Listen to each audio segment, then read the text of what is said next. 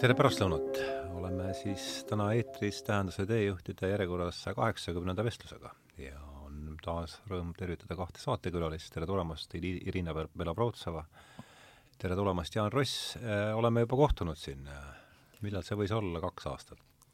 see oli suve paiku oli siis vist või? või oli kevad? jah, aga oli vist aasta üheksateist ma arvan, et oli ikkagi kaks, see oli pära-, jaa, ikka, see oli pärast koroonat, jah mm. -hmm. Ah, või, ei ikka kaks, jaa, pärast koroonat oli see, jah. aga no mis äh,, igatahes siin me nüüd oleme teist korda ja, ja siis me rääkisime Anna Kareninast, nii et selles mõttes on äh, saade selles mõttes erandlik, et äh, sa, sama Vaar on teist korda saates. Ja räägime teist korda ka äh, siis äh, raamatud äh,, räägime raamatust, millest me oleme juba varem rääkinud, selliseid raamatuid väga palju ei ole, mul tuleb Lord Jim tuleb meelde. äh,, ja, ja, ja täna on siis jutuks Idioot, Dostojevski surematu romaan äh,. panin tal töö pealkirjaks, panin Vürstmõškin, vaatame, mis tal siis pärast, pärast saab, et äh, et kus me, Jaan, sul on äh, raamat kas see on niimoodi jäänud kogemata lahti selle koha pealt või oled sa võtnud ta taotluslikult? ei, ta on juhuslikult äh, selle koha pealt lahti, aga, aga mõned kohad mul on tõesti ära märgitud, mis äh, võib-olla äh, annavad mulle märku, millest ma peaksin rääkima, aga ma ütleks kõige alguseks, et vast ei ole liiga upsakas minust, kui ma ütlen, et see äh, mõte äh, tänane saade teha, et see tegelikult kuulub mulle. ja kui me valmistasime äh, Irinaga seda saadet ette, siis Irina küsis minu käest, aga miks ma seda teen ja nüüd praegu Ukraina sõja taustal on sellele küsimusele väga lihtne vastata. ehk siis see õigustatud pahameel, mis on äh, Venemaa äh, poliitika vastu tõusnud Eestis ja paljudes teisteski maades, et see minu meelest ei tohiks kaasa tuua äh, Äh, vihkamist vene keele ja vene kultuuri vastu. et äh, mulle tuli meelde üks, üks näide seoses Natsi-Saksamaaga, selline tunnustatud helilooja nagu Richard Strauss, äh, ta lasi ennast natslikel võimudel rakendada üsna, üsna mitmes ametis. Saksamaal oli selline asutus nagu äh, Äh, Reichsmusikkammer, mille ülesanne oli jälgida Saksa muusikaelu, äh, et ta kulgeks ikkagi kooskõlas äh, sellega, mida natsid tahtsid, et Strauss juhtis seda asutust. Ja teine asi, mida ta tegi, see kuulus Bayreuthi ooperifestival, kus, kus Wagnerit esitatakse, et äh, selline kuulus dirigent nagu Arturo Toscanini lahkus Bayreuthi festivali mm, peadirigendi kohalt protestiks äh, natside võimu vastu ja Strauss võttis selle koha Toscanini järel vastu. aga nüüd äh, huvitav on see, see, ma kohe lõpetan selle pika loo, mm, huvitav on see, et pärast sõda, kui äh, Münchenis tegutses üks kogu, kes siis pidi hindama äh, ühiskonnas oluliste äh, tegelaste käitumist natsliku režiimi ajal, et see Müncheni kogu vabastas Straussi kõigist süüdistustest ja nii-öelda mõistis ta, ta õigeks. Ja, ja kui me nüüd tuleme siis Dostojevski juurde, kes elas üheksateistkümnendal sajandil ja töötas üheksateistkümnendal sajandil, siis temal ei saanud olla muidugi mingisugust äh, seost, äh, vähemasti esimesel pilgul ei saa olla mingisugust seost sellega, mis toimub tänapäeval Ukrainas, nii et et Dostojevskit me ei tohiks küll hakata põlgama selle Vene poliitika tõttu, mis, mida me tänapäeval kogeme. tahad sa haakuda selle? Ei, äh, kõik on õige ja tõepoolest me ei saa Dostojevskist süüdistada äh, poliitika, täna, tänase päeva poliitikas, no ta ei ole süüdi. aga me räägime äh, loomulikult kirjandusest ja tema on üks kolmest vaalast vene kultuuris ja vene kirjanduses ja see kõik kuulub üheksateistkümnendale sajandile, siis me võime kergesti sellest rääkida. kes oleks siis to, Tolstoi, Dostojevski?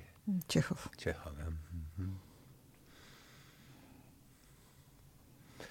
nii, aga äh, mis oleks, kui, kui sa, Jaan, võtaksid ühe lõigu sealt, kui sa ütlesid, et äh, äh, hakkame seal, hakkaks sealt arutama või? see on üks võimalus.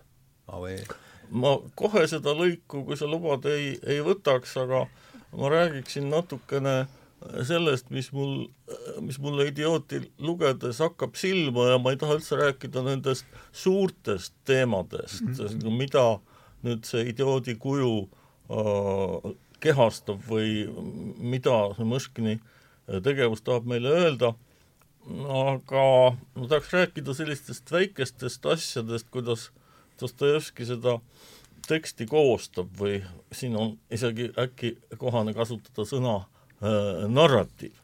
et mis mulle torkab Mõškini puhul äh, äh, silma, mille peale ma olen palju mõelnud, on see, et äh, inimestega, kellega Mõškin suhtleb äh,, kaovad igasugused sotsiaalsed ja psühholoogilised äh, barjäärid et see algab juba päris alguses rongist, äh, kui, kui Mõškin sõidab äh, Peterburi ja ta vagunis tutvub siis Rogožini ja, ja Lebedõiga ja mõlemaga tekivad kohe väga usalduslikud suhted äh,. minu meelest oli see Lebedev, kes äh, teatas talle pärandusest, äh, mis, mis on Mõškinil saada, mis ei ole küll päris kindel veel rongis olles Äh, ja siis see, kuidas nad lahkuvad, kui rong on jõudnud Peterburi, selle juurde ma tulen veel võimaluse korral äh, tagasi natukese aja pärast, aga siis edasi, Muškin läheb äh, Jepantšinite, Irina, kus oli rõhk äh,? lõpus Jep.. Jepantšinide. Jepantšinide äh, äh, majja ja kohe tekib tal usalduslik suhe äh, maja uksehoidjaga, kes äh, Äh, võimaldab talle suitsetamist, mis üldiselt ei ole ette nähtud, ja siis nad hakkavad rääkima, äh, kui ma ei eksi, siis sellest äh, oot-oot, kas, kas nad räägivad seal sellest äh, äh, surmamõistmise ja. episoodist ja, jah. ja siis, kui, kui Mõškin võetakse vastu perekonnas, siis kõik see, kui ma võin öelda, saaga äh, jätkub, äh, esiteks äh, kindral ütleb, et äh, et noh, tegemist on täiesti võõra inimesega ja, ja, ja tal ei ole siit midagi oodata, aga asi lõpeb sellega, et äh, kindral võtab ta tööle ja, ja muretseb ka elamise Ivolginite juures. nii et äh, mm, ja seo-, sellega seoses äh, on äh, on ka see, et vene keeles on niisugune väljend skarabljanna bal ehk -hmm. siis äh, äh, laevalt äh, pidusaali äh,. et äh, Mõškin, Mõškin tegelikult satub selle äh, nii-öelda nende sotsiaalsete barjääride lagunemise tõttu äh, sündmuste keskpaika ja äh, isegi noh, võib-olla hakkab, hakkab neid äh, äh, mõjutama aga ma annaksin nüüd vahepeal võimaluse ka Irinale öelda, et ma ei räägiks liiga palju. Aga see-eest mina küll tahan suurtest asjadest rääkida, sest äh, kui me kohe äh, hakkame rääkima romaani poeetikast, äh, siis võib-olla äh, meil ei ole seda ettekujutust, äh, mis romaan see on ja kuidas äh, selle romaani loomise ajalugu kulges ja mis see üldse oli. ja mina kui puhas filoloog võtsin sõnastiku Äh, ja leidsin seal ajaloolist tähendust, sõna idioot ajaloolist tähendust. Jan küsis minu käest, kust ma seda võtsin. see on väga laialt äh, esindatud Vikipeedias kõigis keeltes ja äh, see on ka äh, soliidsetes äh, briti sõnastikustes äh, Äh, rääkimata juba äh, eesti ja vene äh, ja Vana-Kreekas oli see sõna idioot, seda kasutati selles tähenduses, poliisikodanik, kes elas ühiskonnaelu erinevalt mm, -hmm. ei võtnud osa kodanike koosolekutest või muudest riigi ja ühiskonna demokraatliku juhtimise vormidest ma ei tea, kas Dostojevski äh, teadis seda tähendust, kas ta kasutas seda, äh, seda pole teada, aga mõningal määral see nagu kõlab kokku Jaani äh, mõttega, et Mõškinil ei ole vot seda sotsiaalbarjääri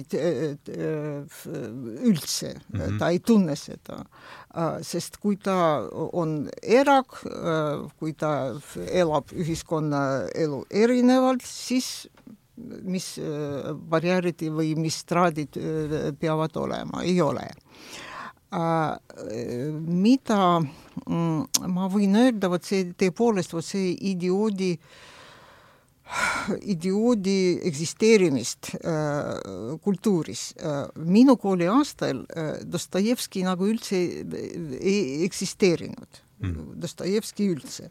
ja ma küsisin Jani käest, äh, kas äh, Eesti koolis öeldi midagi Dostojevski kohta, ei öelnud äh, ja mina siis hakka, hakkasin vaatama, kes ja mida ütles ja leidsin väga ilusaid Lenini sõnu hmm. Lenin rääkis, et kogu Dostojevski on moraliseeriv oksendus ja äh, rääkis niimoodi, hakkasin vendi Karamazovit lugema ja loobusin, stseenid kloostris kutsusid esile okserefleksi, vot tal oli pidev selline tunne Dostojevski vastu ja mm, mina ütleksin, ütles, ütleksin veel ühe väga äh, väga hästi tuntud vene filoloogi Viktor Šklovski sõnu esimese Nõukogude kirjanike kongressil mis toimus aastal tuhat üheksasada kolmkümmend neli. kui Fjodor Mihhailovitš oleks tulnud siia, oleks me tema üle kohut mõistnud. Kui inimkonna pärijad, kui inimesed, kes mõistavad kohut reeturi üle, kui inimesed, kes täna vastutavad maailma tuleviku eest. Äh, see on hästi öeldud, seda enam, et äh, Stalini ajal äh, oli pea, oli peaaegu keeld Dostojevski loomingule. idioodi ülitati esialgu, ma usun, et inertsi jõul aastal tuhat üheksasada kakskümmend, kakskümmend kaks, kakskümmend kuus ja pärast seda alles viiekümne seitsmendal aastal ületati see tähendab, et peale enam kui kolmkümmend aastat oli romaan puutumatu. seda ei antud välja siis? jah, üldse äh, nagu ka äh, Dostojevski teised romaanid ka eksisteerinud, ka, ka neid ka ei ülitatud. ja koolide õppekavadesse äh, ilmus Dostojevski kuritegu ja karistus ainult mhm. seitsmekümnendate aastate alguses. Äh, ja see, vot see ongi no niisugune väga hea näite, et kuidas Dostojevski mõjus, äh, tal, äh, tal ei ole idioodis midagi vot selle punavõimu vastu, eks ole, aga vot millegipärast ta ei meeldinud kõikidele Nõukogude liidritele, ütleme niimoodi äh,. Jan, tahate midagi öelda? ma tahan ikka ajada seda oma vagu, mis ei mis ei haaku eriti hästi sellega. aga võtame, vot võtame sellised rollid, mina räägin küll, suurtest asjadest ja Jan räägib tähendab, see teema siis äh, Mõškin kui sotsiaalsete äh, barjääride lõhkuja. et mm -hmm. ma olen sellega seoses hakanud mõtlema, et kas see on miski, mis on äh, Äh, Mõškinile eriomane või on see miski, mis iseloomustab vene rahvast äh, tervikuna? Ja sellega paar sõna vahetasime Irinaga, Irina sellega ei nõustu, aga ma räägiksin äh, lihtsalt nii-öelda vahepalana ühe seiga oma enese elust, mis, mis nagu haakub selle, selle sotsiaalsete barjääride lõhkumisega, see oli aastal tuhat üheksasada üheksakümmend, kui ma kolm kuud töötasin noh, tol ajal Leningradis, praegu siis Peterburis, ja ma ei olnud formaalselt seotud ülikooliga, aga kuna ülikooli fona-, foneetikakateeder asus niivõrd mugavas kohas Vassili saare alguses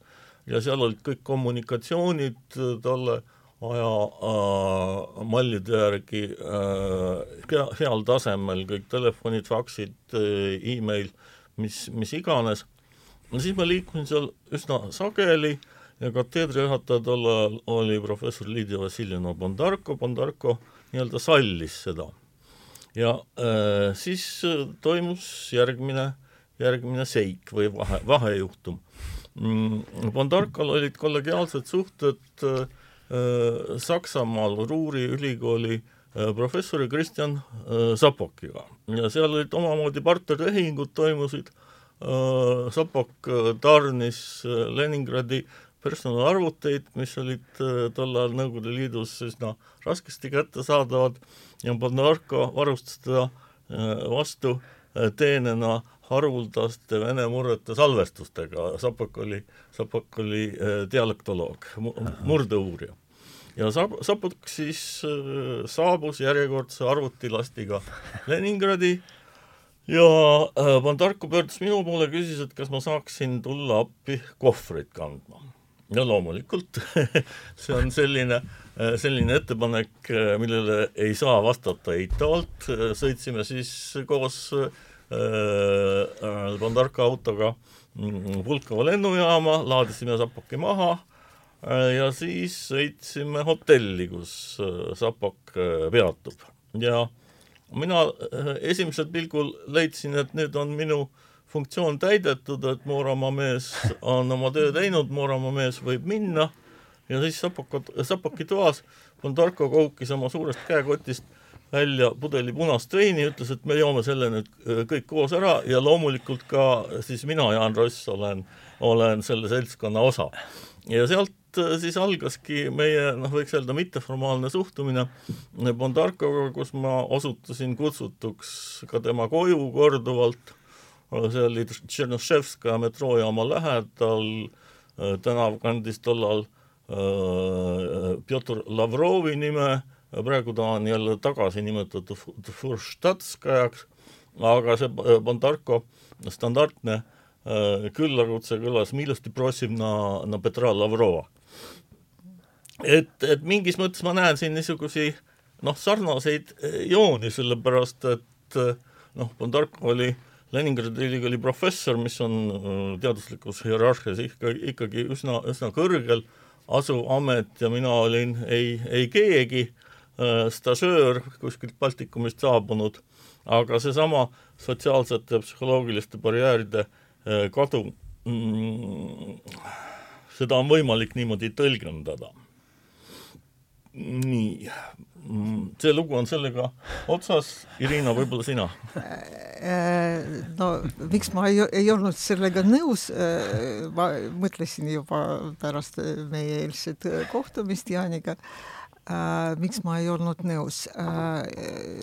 see ei olnud mulle imelik või midagi erakordne, sest no kui me tulime ülikooli, ma olin seitseteist aastat vana, ja äh, Jüri äh, Mihhailovitš Lotman äh, rääkis meiega, no ta kohe, ta nõudis seda.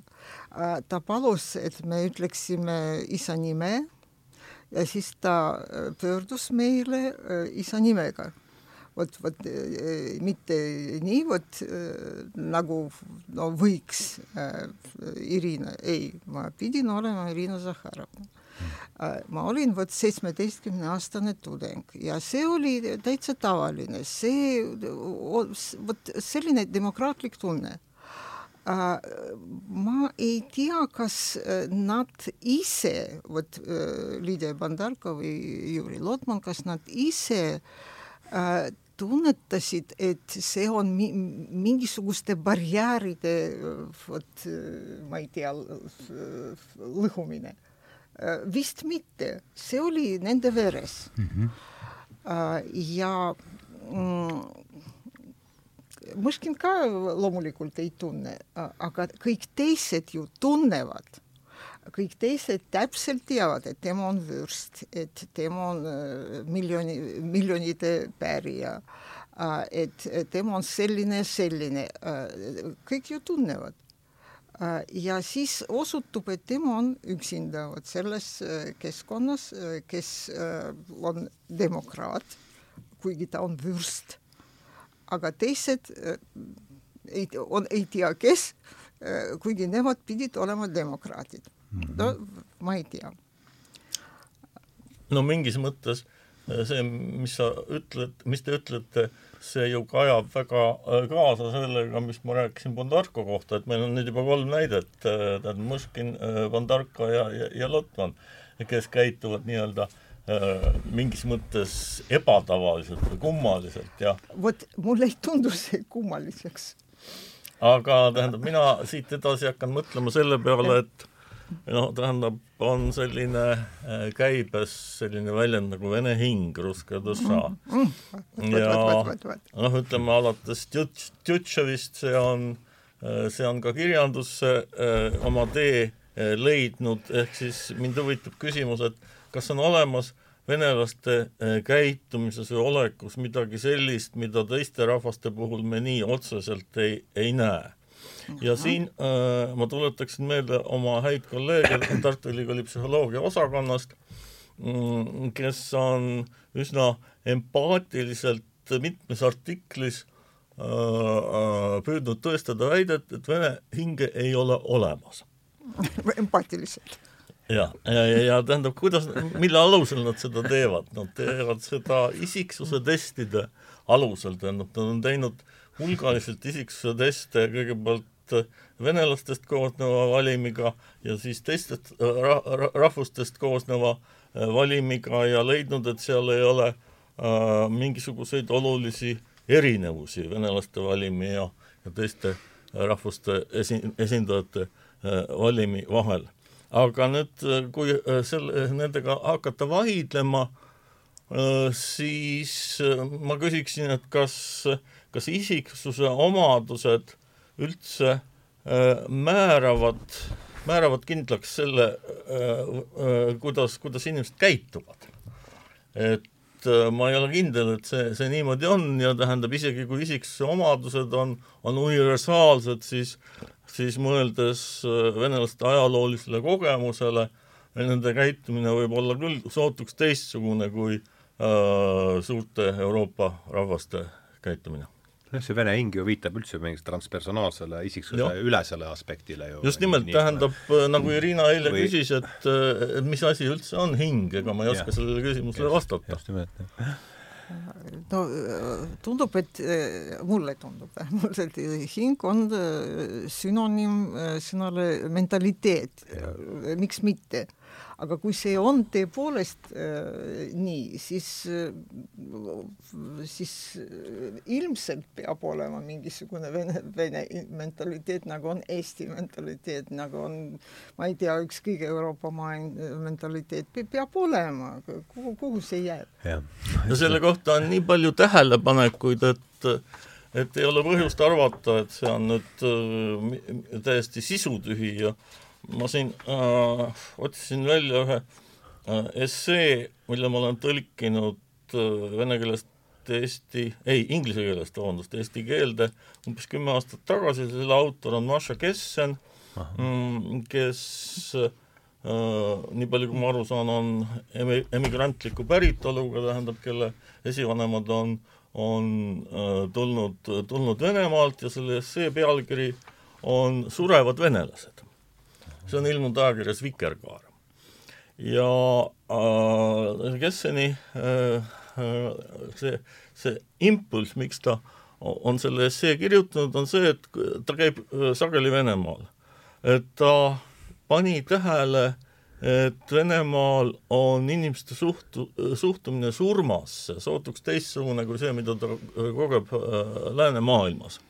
ehk siis venelaste suhtumine surmasse on noh, võiks öelda ükskõikne, et Äh, ta on kaks kuud tagasi käinud Moskvas, tuleb siis kahe kuu pärast uuesti ja siis hakkab otsima oma sõpru või tuttavaid ja siis talle öeldakse ükskõikselt, ah ta uppus ära. ta öö, äh, kukkus langevarjuga ennast surnuks ja, ja, ja kõigi jaoks see on nagu täiesti igapäevane asi. ja Moshe Kessen äh, teeb sellise järelduse, et, et põhjus, miks venelased suhtuvad surmasse teistmoodi, kui seda tehakse äh, äh, lääne, lääneriikides äh, äh, ma loeksin nüüd ette lühikese katkendi sellest esseest, see on päris viimane äh, lõik, ta nimelt ütleb, et, et asi on lootusetus. et venelaste äh, ajalooline pagas on tinginud selle, et nad oma põhiolema, olemuselt on lootusetud. ja nüüd siis tuleb tsitaat. kui see on tõsi, kui venelased, nagu näib, surevad lootusetuse tõttu, siis küsimus, mis ootab uurijatelt endiselt vastust, on järgmine. miks pole venelastel viimase veerandsajandi jooksul lootust olnud? või täpsemalt arvestades selle surmade sünge jätkuvusega Venemaal, mis on ligi saja Nõukogude aasta jooksul venelastega juhtunud, et nad ei suuda enam tunda lootust. Hanna Arendt püstitab raamatust The Origin of uh, Totalitarianism hüpoteesi, et totalitarism on võimalik vaid neis riikides, mis on eh, nii suured, et saavad endale lubada depopulatsiooni tähendab, see on siis, varem on juttu sellest, et kuidas, millised on olnud need rahvastikukahjud Venemaal või äh, Nõukogude Liidus. edasi, Nõukogude Liit on näidanud end just sellise riigina kolm korda kahekümnenda sajandi jooksul, tehes oma kodanikele selle käigus selgeks, et nende elul pole mitte mingisugust väärtust. kas on võimalik, et seda teadmist on ühelt generatsioonilt teisele edasi antud nii palju kordi, et see on nüüd enamikul venelastel veres ja et sel põhjusel sünnivad nad oodatava elueaga, mis on sama pikk kui, kui Bangladeshis, ehk siis äh, varem selles essees Kessen on, on näidanud, kuidas venelaste demograafilised näitajad sarnanevad kolmanda maailma äh, riikidega on ka võimalik, et teised postsovetlikud riigid on pärast Moskvast lahkulöömist teataval määral taas omandanud võime lootuseks, mis põhjendaks, miks isegi Venemaa lähimad kultuurilised ja geograafilised naabrid, nagu Valgevene ja Ukraina, ei sure välja sama kiiresti. kui nii, siis on Venemaa surma põhjuseks murtud süda, mida ka võib nimetada südame-veresoonkonna haiguseks mis äh, mõtteid see teise äratas loetud? ma ei tea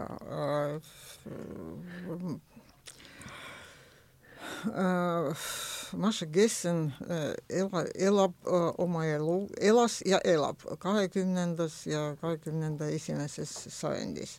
kahekümnes sajand, kahekümnes sajand Venemaa jaoks oli täiesti raudne sajand ja sajand, mis oli äh, verd täis. Äh, ja äh, kohe sajandi algusest. ja juba siis oli näha, see ei ole kuidagimoodi seotud Dostojevskiga, kui, kui, kuigi tema loomulikult ennustas seda revolutsiooni mitte romaanis Idioot, vaid ennustas.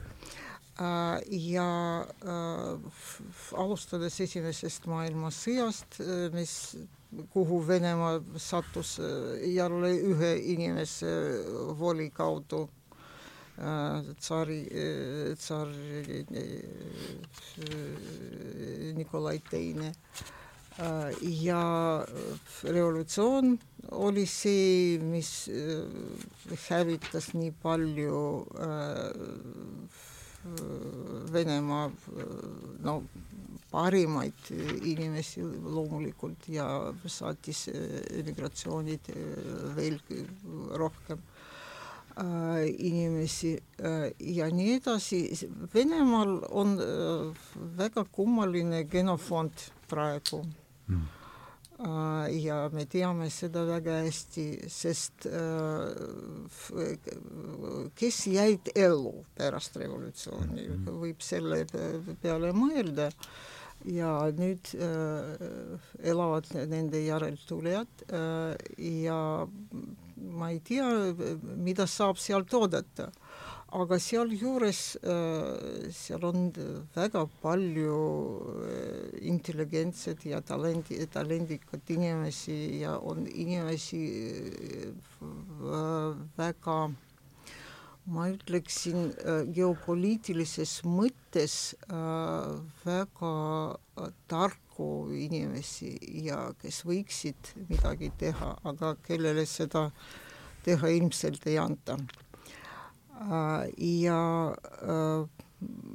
see, praegu hakati rääkima sellest, et on kaks Venemaad tegelikult -hmm. ja üks on vot selline, millest räägib ja millest kirjutas Maša Kessen, ja teine on hoopis teine Venemaa, kes äh, on jonnakas, kes ei taha alluda, alluda vot äh, totalis-, äh, totalitarismile, kes teeb oma asja ja mõtleb oma mõtted ja no jääb ainu-, ainult loota, et kunagi see sõda lõpeb ja see teine Venemaa, see parim Venemaa, siis saab midagi teha. Oma maaga. aga ma ei tea, mikspärast me räägime seda, kui jutt on idioodist. hästi, tuleme idioodi juurde tagasi ja praegu mul on selline tunne, et kuivõrd Hardo päris saate alguses tegi ettepaneku, et ma loeksin ja. midagi ette, siis ma nüüd loeksingi midagi ette.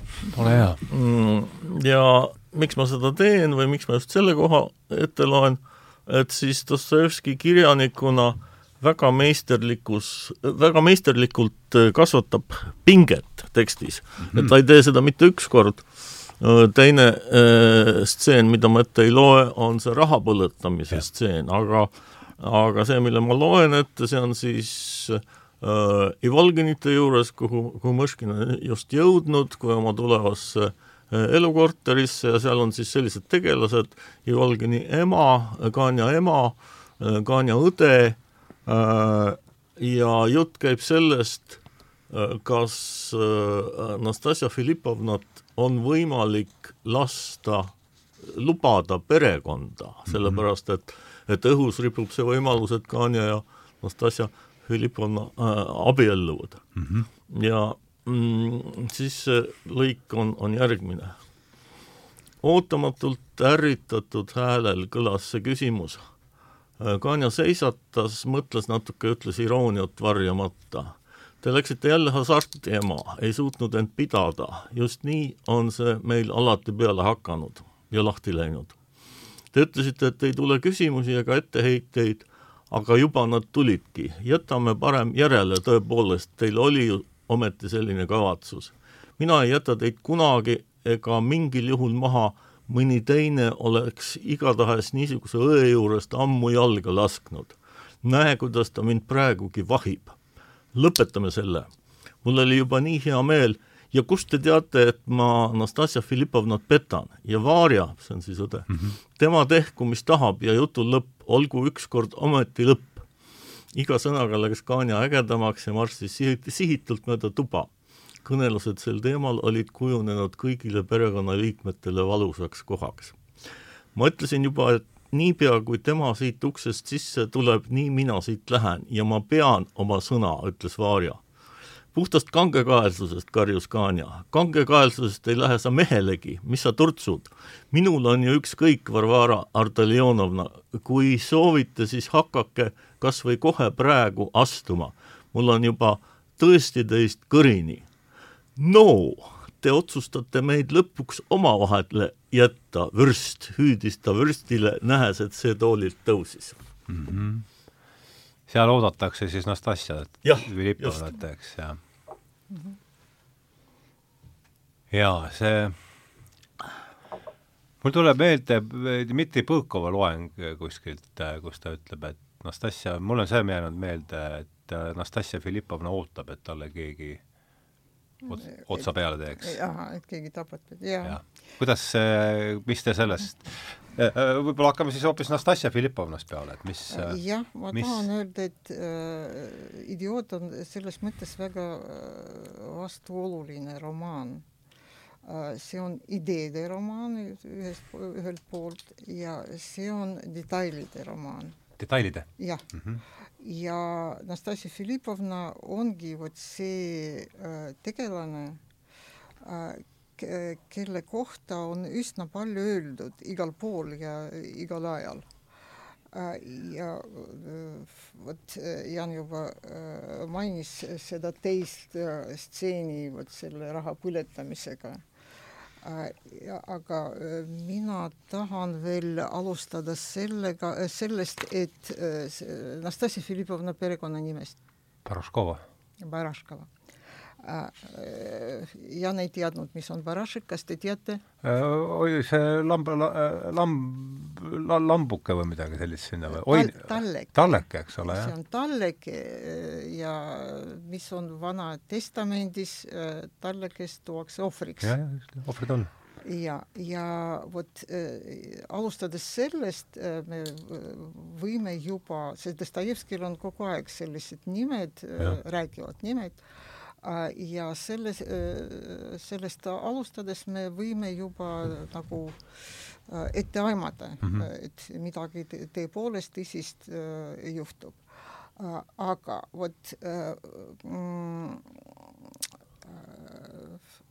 aga pärast Jan ütleb selle Mõškini kohta ütleme jälle Nastassia Filipovna. Nastassia Filipovna muidugi provotseerib, kogu aeg provotseerib inimesi äh, nii Gania Ivalginit kui ka Mõškinit kui ka Ragožinit ta nagu tahab tõepoolest, et midagi juhtuks ja üks kirjandusteadlane kirjutas sellest, et ta, esialgu ta kirjutas artiklit, aga nüüd ta laendas seda raamatuni ja ta kirjutas sellest, et äh, nii Nastassia Filipovna kui ka Rogožini äh, rollid ja saatused romaanis on ette määratud ja tegelased seda teavad ise, vot mm. mis on väga huvitav äh,. Nastassia Filipovna teab, et temast saab ohver äh, ja annab ise sellele hoogu ette ja äh, Ragožin ka teab, et Nastassia Filipovna saab surma tema käe läbi mm. -hmm. ja sisuliselt, kirjutab see kirjandusteadlane, sisuliselt on tegu ohverdamise rituaaliga. meil on rituaal ja pole juhus, et Dostojevski seda rituaali ka toonitab mõningal määral. näiteks mhm. kui Mõškin vaatab naise portreed, ta vaatab seda kolm korda ja lõpuks ka suudleb seda portreed. kas see on seal rongis või? ei, Ivo, ta leiab seda Ivolgini Aha. Äh, kabinetis mm. -hmm. ja äh, me teame, et õigeusklike kolmekordse suudlemise traditsiooni me seda teame. ja äh, on ka teisi äh, näiteid äh, ja ise ta, Mõškin, ta ei taha muidugi osaleda Nastassia Filipovna surmas ja ei taha isegi sellest rääkida äh,, kuigi vist ka aimab ette mm. -hmm. ja tavaliselt äh, ja Jan hakkab sellest ka rääkima. Mõškinis nähakse sellist süütu imikut mm, -hmm. süütu ja see, vot selle kirjandusteadlase arvates on pettekäik ja tõeline imik on hoopis Nastasia Filipovna ja seda enam, et äh, ta oli imik, kellelt võeti lapsepõlv. Äh, ja Mõškin intuitiivselt aimab, et kui ta tunnistab oma osalust äh, toimuvast rituaalis, siis ta läheb hulluks.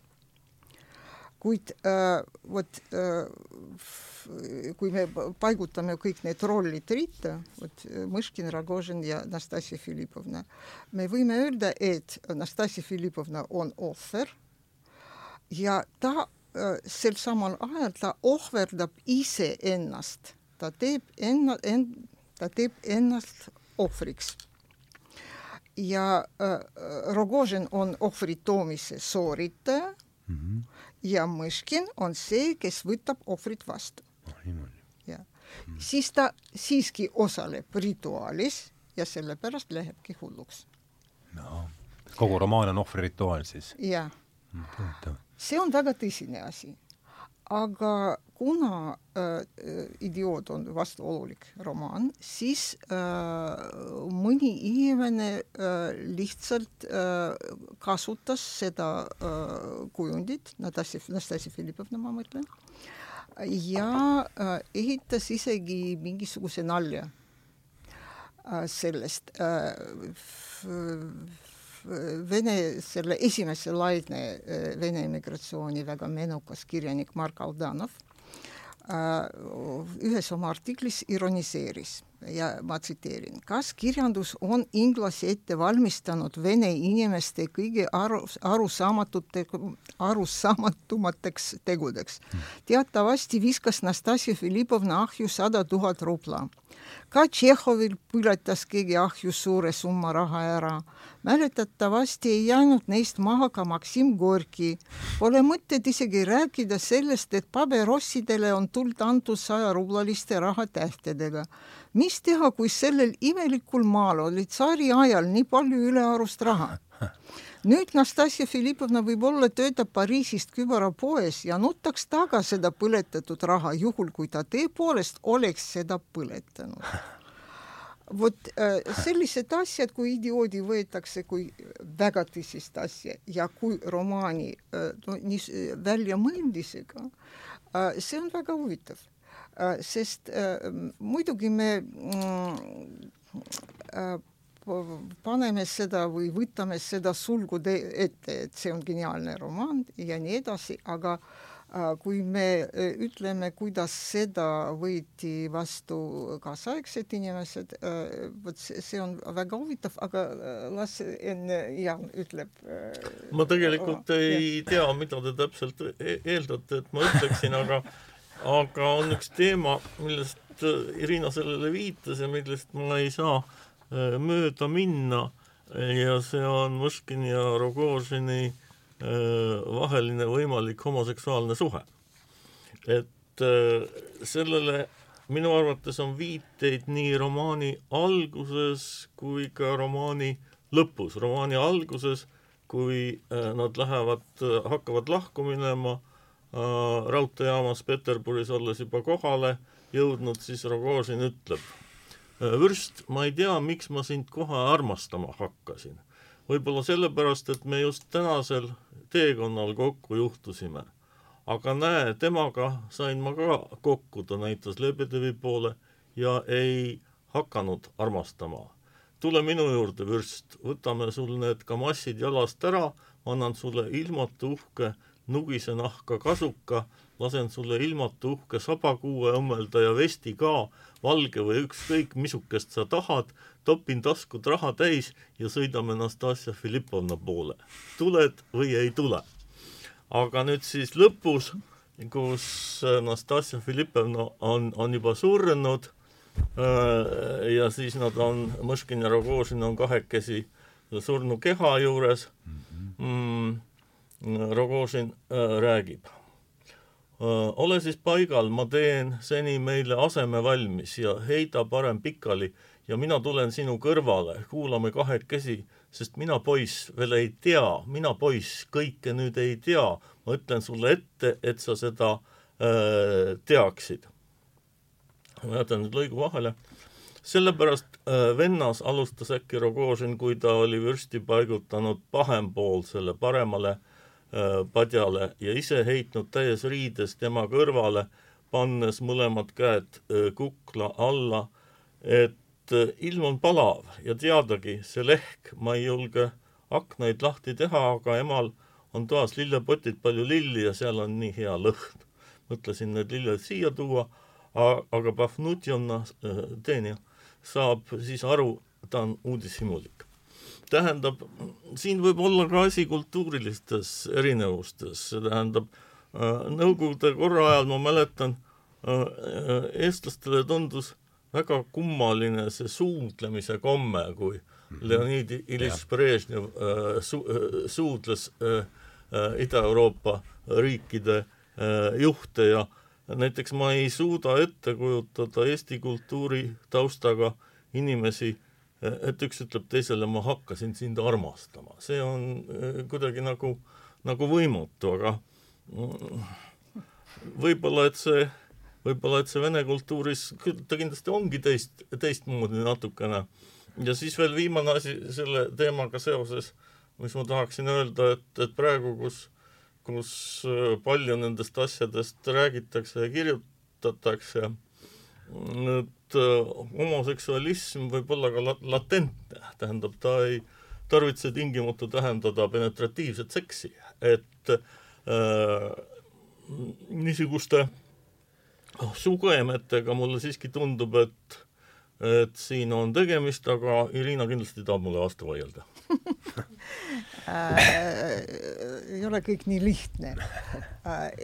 kui me rääkisime enne sellest äh,, siis äh, Jaanil oli veel üks äh, tsitaat või äh, ta mainis vähemalt seda, et äh, pärast äh, Nastasia Filipovna surma äh, kui nad lamavad vot kõrval, siis äh, Mõškini silitab Ragožini pea ja põski nagu lohutab teda ja see Jani arvates ka oli üks tõestus ja vot selle, selle vastu ma olin, ma ütlesin ägedalt, et, et nii see ei ole, sellepärast et täpselt samamoodi äh, Мышкин силиtab Nastasia Filipovna pea ja põski siis, kui ta lohutab teda Pavlovskis täpselt samamoodi, vot ma pärast ütlen paar sõna Dostojevski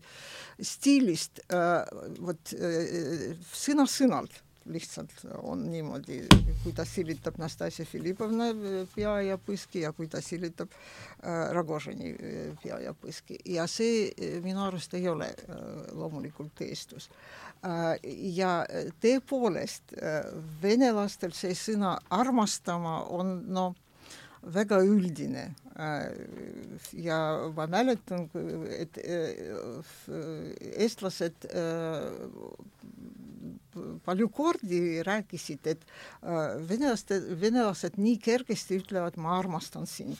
tõepoolest, see on, see on niimoodi, lihtsalt vot see sõnade tähendus on natuke teine äh, ja see ka minu arust ei räägi selle homoseksu-, selle Mõškini homoseksuaalsuse kasuks. Äh, ja äh, nagu midagi ei, ei räägi selle kasuks, aga, aga siis mulle meenus äh,, et mul on, oli see juba minu lehtedel ja mulle meenus, et äh, minu austatud äh, Andrzej Vaida tegi äh, filmi Idioot.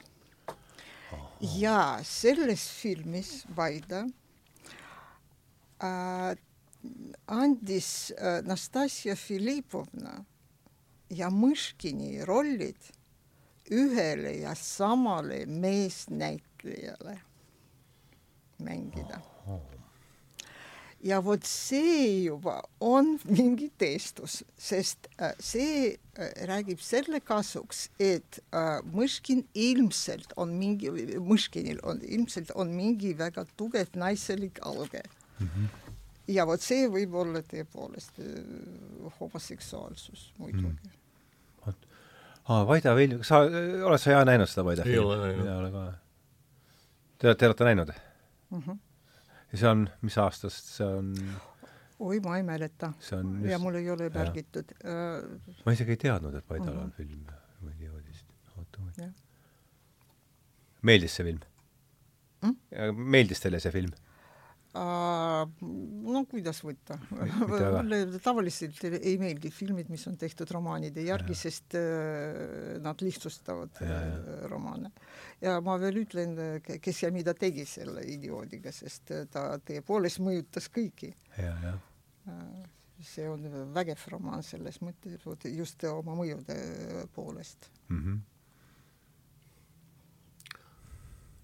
ma seda teemat nüüd ei oska eriti jätkata, aga, aga üks äh, tähelepanek teksti suhtes, Riina nimetab mind äh, poeetika uurijaks, mm, on, on need irratsionaalsed äh, pöörded või käigud või, või juhtumid, mida Dostojevski kirjeldab ja äh, ma olen neid täheldanud vähemasti kaks selles romaani tekstis.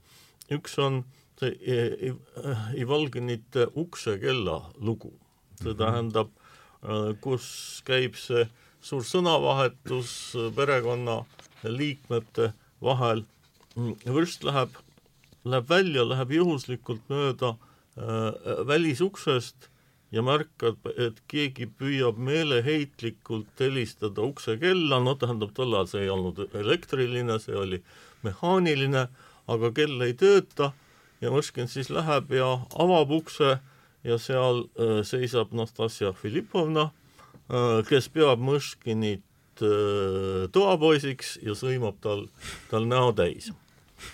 ja siis mõnevõrra hiljem, mm, kui äh, Ivolginite juurde tuleb äh, Rogožin äh, koos oma saatjaskonnaga, siis kostab esikust vali tugev äh, kellaheli. Äh, no tähendab, on üsna võimatu ette kujutada, et, et keegi vahepeal selle kella ära parandas, kuigi see ei ole võib-olla ka mitte välistatud. aga nüüd teine, teine irratsionaalne seik on, on see, kuidas Anastasia Filipovna ütleb Mõškinile, ma olen teid kuskil, kuskil näinud. ja seda ta ütleb üsna mitu korda mm,. tõesti, kusagil olen ma tema nägu näinud, sõnas ta nüüd juba tõsiselt mm..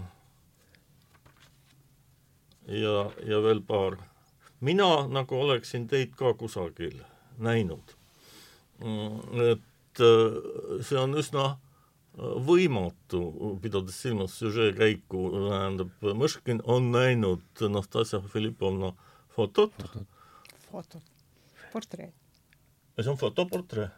Daguerreotiip hm?. Daguerreotiip.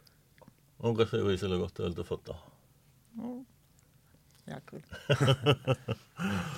aga teistpidi ei, ei ole võimalik, ehk siis äh, Nastasja Filipovna ei ole Moskvinit varem näinud ja äh, see on lihtsalt öeldud nii-öelda sedastusena, mul ei ole siia mingit konstruktsiooni. Äh, miks ei ole, on küll. nimelt? no et vürst Kristus, see oli te teie valetus. okei, ma ise ei ole võib-olla nii kaugele mõelnud, aga aga märkus on igal juhul asjakohane. nojah, jah, palun. nii, niisiis ta oli teda kuida-, kuskilt näinud, sellepärast et sa, te ootate minult mm? -hmm. Sellel... ootan, ootan ma ei tea. no sest välimuse poolest Mõškin on nagu Kristus ja teie rääkisite eile, et tõepoolest vot see, ta on vot selline kuju, et äh, teda võib samastada Kristusega. vot, et ta teebki seda, see Anastasia Filippov. no mina olen selle mõtte võtnud äh, järelsõnast, millest ma tegelikult tahtsin ka rääkida. Äh, järelsõna on kirjutatud mm, kadunud Tartu Ülikooli professori Zara Grigorjevna Mintsi poolt, kes teatavasti oli Jüri Lotmani abikaasa ja minu teaduslik juhendaja. jah. Äh, ja Saare Mints oma järelsõnas esitab selle konstruktsiooni, et Ernst Mõškin on tegelikult äh, maa peale äh, laskunud Jeesus Kristus, kes mõne aja pärast maa pealt lahkub nii-öelda oma, oma hullumeelsusesse. ja see on nüüd väga isiklik, aga see järelsõna oli minu jaoks üldse esimene tõsine kokkupuude kirjandusteadusega, ma hakkasin aru saama, äh, millega kirjandusteadus tegeleb ja millised on, on tema, tema meetodid. et see mulje sellest järelsõnast oli nii tugev, et ma isegi mäletan, äh, kus ma seda lugesin, see oli Tartu-Tallinna bussis. Mm, et jah, niisugune, niisugune siis äh, lisandus äh, äh, Mõškini loole kui ümberkehastutud, kehastunud Jeesusele mm. -hmm no ja jätkates seda, jätkates seda idioodi vastuolulisust, äh, Vladimir Nabokov näiteks äh, arvas, et Mõškin on hoopis äh, loll Ivan vene rahvaluulest Aha. Sest kõik, mis juhtub, on, äh, juhtub äh, äkitselt äh,, keegi ei saa midagi seletada ja ta, ta on täpselt loll, sest ta ei taipa, äh, mida teised inimesed arvavad või mida teised inimesed äh, tunnevad äh, ja Nabokovil oli muidugi äh, õigus, sest ta, ta ei tunne teiste inimeste tundmist Äh, ta nagu äh,, nagu ikka, nagu iga inimene, ta arvab, et äh, teised äh, mõtlevad täpselt sama, mida tema ise. ja mina ta, tahaksin praegu äh, tõepoolest rääkida vot äh, Dostojevski kaasaegsetest, kuidas nemad võtsid seda romaani ja kuidas tema ise võttis oma romaani vastu ja mm, tundub, et äh, on teada, et Dostojevski soovis, soovis kirjutada romaani, mille peategelane pidi olema läbinisti positiivne, läbinisti mm, -hmm. no nagu Jeesus Kristus. ja äh, ta arvas, et see ülesanne on väga keeruline ja kirjades äh, ta muudkui kaebab, et äh, töö romaani kallal äh, liigub aeglaselt ja väga aeglaselt ja huvitav muidugi küll, et tema kasutab peaaegu sama sõna, mida Lenin kasutab. romaan ei rahulda mind iiveldustundeni mm. -hmm Äh, ja äh, idioot ei rahuldanud teda isegi pärast äh, ilm, ajakirjas ilmumist ja ta kirjutas, et romaanis on palju kiiruga kirjutatud ja mitmed kohad venivad ja ei ole õnnestunud. aga me ei saa isegi midagi öelda mm, selle romaani töö käiku kohta sest äh, meil ei ole äh, isegi mustandeid äh,, sest äh, ta kirjutas seda välismaal, esiteks Šveitsis ja lõpetas äh, Itaalias. Ja äh, kui nad hakkasid äh, minema juba äh, Venemaale, siis ta põletas äh, kõik oma käsikirjad ära ja tema naine, see Anna Grigorjevna äh, kirjutas memuaarides, et Dostojevski kartis, et Vene piiril otsitakse ta läbi ja kõik paberid võetakse ära, nagu see, juhtus äh, siis, kui te, tema oli arreteeritud omal ajal, jah. Äh, ma ei tea, no vot see pidi olema mingisugune selline eriline äh, ärevus, äh, mis oli talle omane sest no hea küll, kui tõepoolest Vene need piirivalvurid võtaksid tema paberid ära, no tulemus oleks samasugune mm. -hmm. ta põletas ära, neid ei ole ja Vene piirivalvurid siis võetakse. ja mustandeid ei ole ja siis äh, äh, kui ta juba hakkas seda mm, oma äh, sõpradele ja kriitikule kriitikutele seda näitama siis kõik, kõik arvasid, et teos on ebaõnnestunud. ja Dostojevski ise kirjutas, et äh, idioodi efekt publiku jaoks on nõrgem kui teiste romaanide oma. aga mm, esiteks idioot mõjus suurel määral üheksateistkümnenda kahekümnenda sajandite vahetuse ideid. näiteks Nietzsche kirjutab oma Antikristuses Äh, haiglaslikust ja imelikust maailmast, kuhu viib meid evangeelium, no nagu Nietzsche räägibki, mhm. Jumal on surnud. Äh, ja Nietzsche sõnul on selles maailmas ja edasi ta kirjutab, et nagu ühes vene romaanis esindatud justkui spetsiaalselt valitud jätised, närvihaigused ja laste idiotism mm. -hmm no on täpselt teada, mis romaanist jutt on, eks ole äh,. Stefan Zweig kirjutas idioodist äh,, Andrei Žid kirjutas idioodist, aga mm, kokkuvõtvalt võib öelda, et äh, romaani rehabiliteerisid modernistid. Modernistid nägid äh, selles romaanis mitte vot äh, tavalist äh, lineaarset korrapäratut ja ebaühtlast jutustamist, mitte käigus illustreeritakse autoril tähtsat ideid, vaid keerulist teksti prohveti rollist kaasaegses maailmas. Ja neid muidugi see äh, huvitas väga ja äh, järgmised põlvkonnad äh, hakkasid tõepoolest hindama seda romaani kui üht võimsamatest Dostojevski teostest. Jan? no tähendab, kui, kui ma mhm. peaksin millestki kinni hakkama, siis on just see äh, vormiline laialivalguvus või ebatäiuslikkus, kui ma sain teist äh, õigesti aru, Irina mhm. mm,. et äh, kui ma esimest korda lugesin seda teksti, siis äh, see iseloomustus äh, võib-olla käis kõige rohkem Hippolyti äh, teksti kohta, mida siin trükitud raamatus ma vaatasin, on ligi kolmkümmend lehekülge. see oli see tudeng või?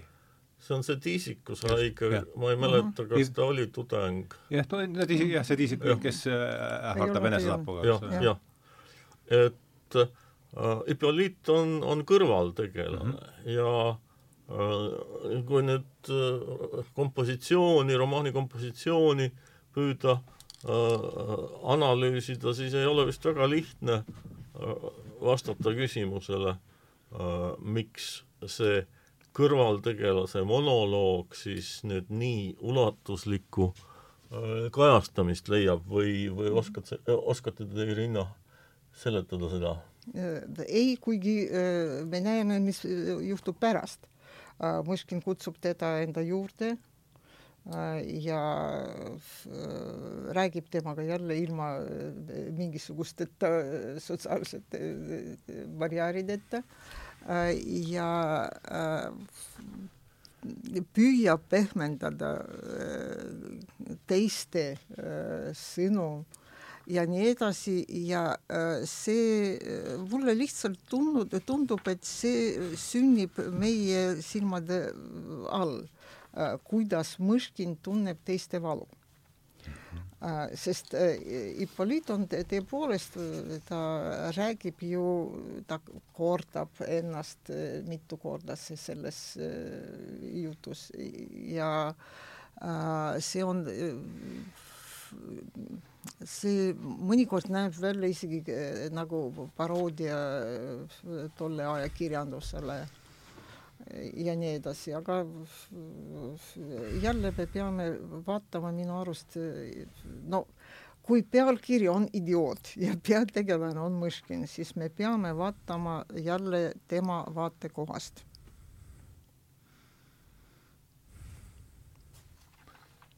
ma ei oska midagi lisada aga mis see ikkagi, mis rolli see, mulle tundub ka, et see ei ole, ma ei ole nüüd viimasel ajal üle lugenud, aga see tõesti, et see Hippoliidi mm, mis rolli ta sinu arvates, Jaan, mängib selles? ma ei tea, kas ma oskan sellele küsimusele vastata, tähendab, ma juhiks tähelepanu sellele, et et romaan on tegelikult tohutult laiahaardeline, ehk mm -hmm. siis siin on väga palju tegelasi ja noh, seda sinu küsimust võib-olla võib laiendada umbes niimoodi, et milleks kõik need tegelased on, on vajalikud, kõrvalt, kõrvaltegelased, Fer-, Ferdõšenko näiteks, kes, kes äh, Äh, elab ka äh, Ivalginite korteris ühes toas. see on see, keda mängis Bojarski seal äh, selles äh, seriaalis või? vot ma ei mäleta. jah, jah, jah, jah, see. see on väga huvitav kuju, sest äh, Verdõšenko või? Äh, äh,, raamatus, mitte mm -hmm. filmis äh,. sest tema nimi on minu arust äh, üks ainukene äh,, mida ei saa tõlgendada, tal ei ole mingisugust etimoloogiast. kõigil teistel on. aga mis on Rogožini etimoloogia? Rogoža, see on selline mm, äh, olid need ladujad, kes panid enda õlgadele mingisugust sellist kanga, no toore kanga, et kõigi, kõik need kastid või need koormad äh, ei pressiks ne, ne, nende õl, õlgu. ja, ja.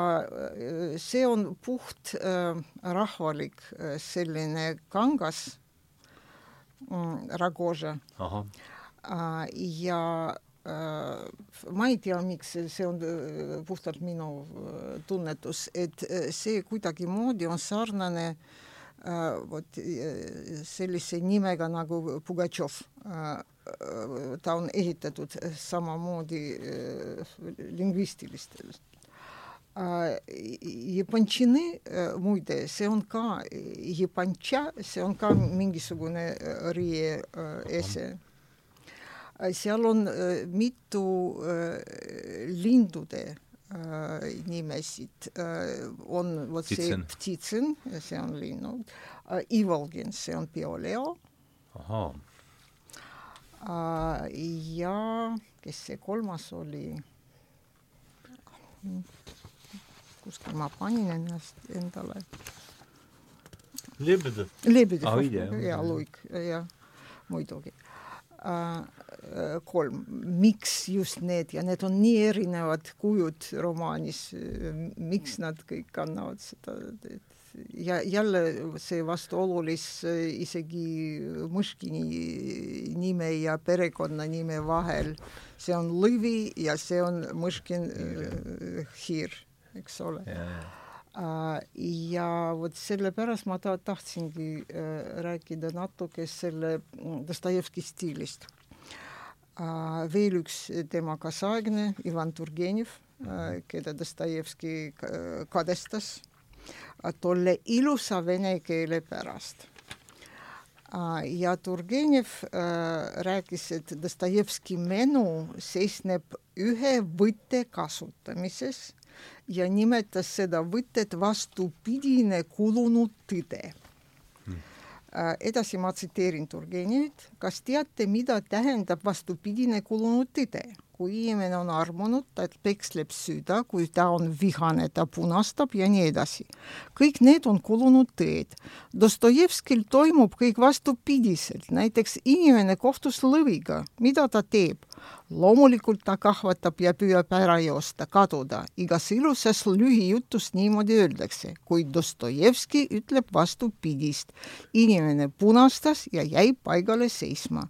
see ongi vastupidine kulunud tõde, see on odav vahend kuulsaks ja originaalse kirjanikuks saamisel see oli Turgenevi mm -hmm. arvamus, aga mm, tõepoolest Dostojevski stiil on üsna imelik. ja mm, vot siinkohal ma tahan natuke hoobelda ja viiskümmend aastat tagasi ma kirjutasin artikli Miimika ja žest Dostojevski loomingust mis ilmus Venemaa Teaduste Akadeemia mitmeköitelises väljaandes Dostojevski materjalid ja uuringud. ja noore kirjandusteadlase jaoks see oli suur menu, aga veel suuremaks see sai, kui kirjandusteaduses peale selle artikli tekkis terve uurijate suund, kes huvitusid keha ja näo kujutamisest kirjanduses Äh, see tähendab keha ja näo semiootikast uh. -huh. ja seal ma kirjutasin, et Dostojevski on äärmiselt kitsi miimika žesti kujutamisel, näiteks iga tema romaani tegelase miimika seisneb silmade välgutamises äh, ja ma loetlesin seal artiklis ligi lehekülje mahus äh, tsitaate pea kõigidest, kõigist tema romaanidest sama kõigihõlmavam tundub ka sõna imelik. kuid ka on selliseid žeste, mida võib nimetada loobumise žestiks, mille tähendus või suunitlus on vastuolus loomulikuga, vot täpselt nagu Turgenev rääkiski sellist žestist me näeme näiteks stseenis, kui Ragožin tõstab äh, vürsti löömiseks noa üles mm. -hmm. loomulik oleks, kui Mõškin oleks teinud kas või mingisuguse kaitseliigutuse, instinktiivse, eks ole, kuid Dostojevski seal seisab, vürst ei mõelnudki seda peatada, ei mõelnudki.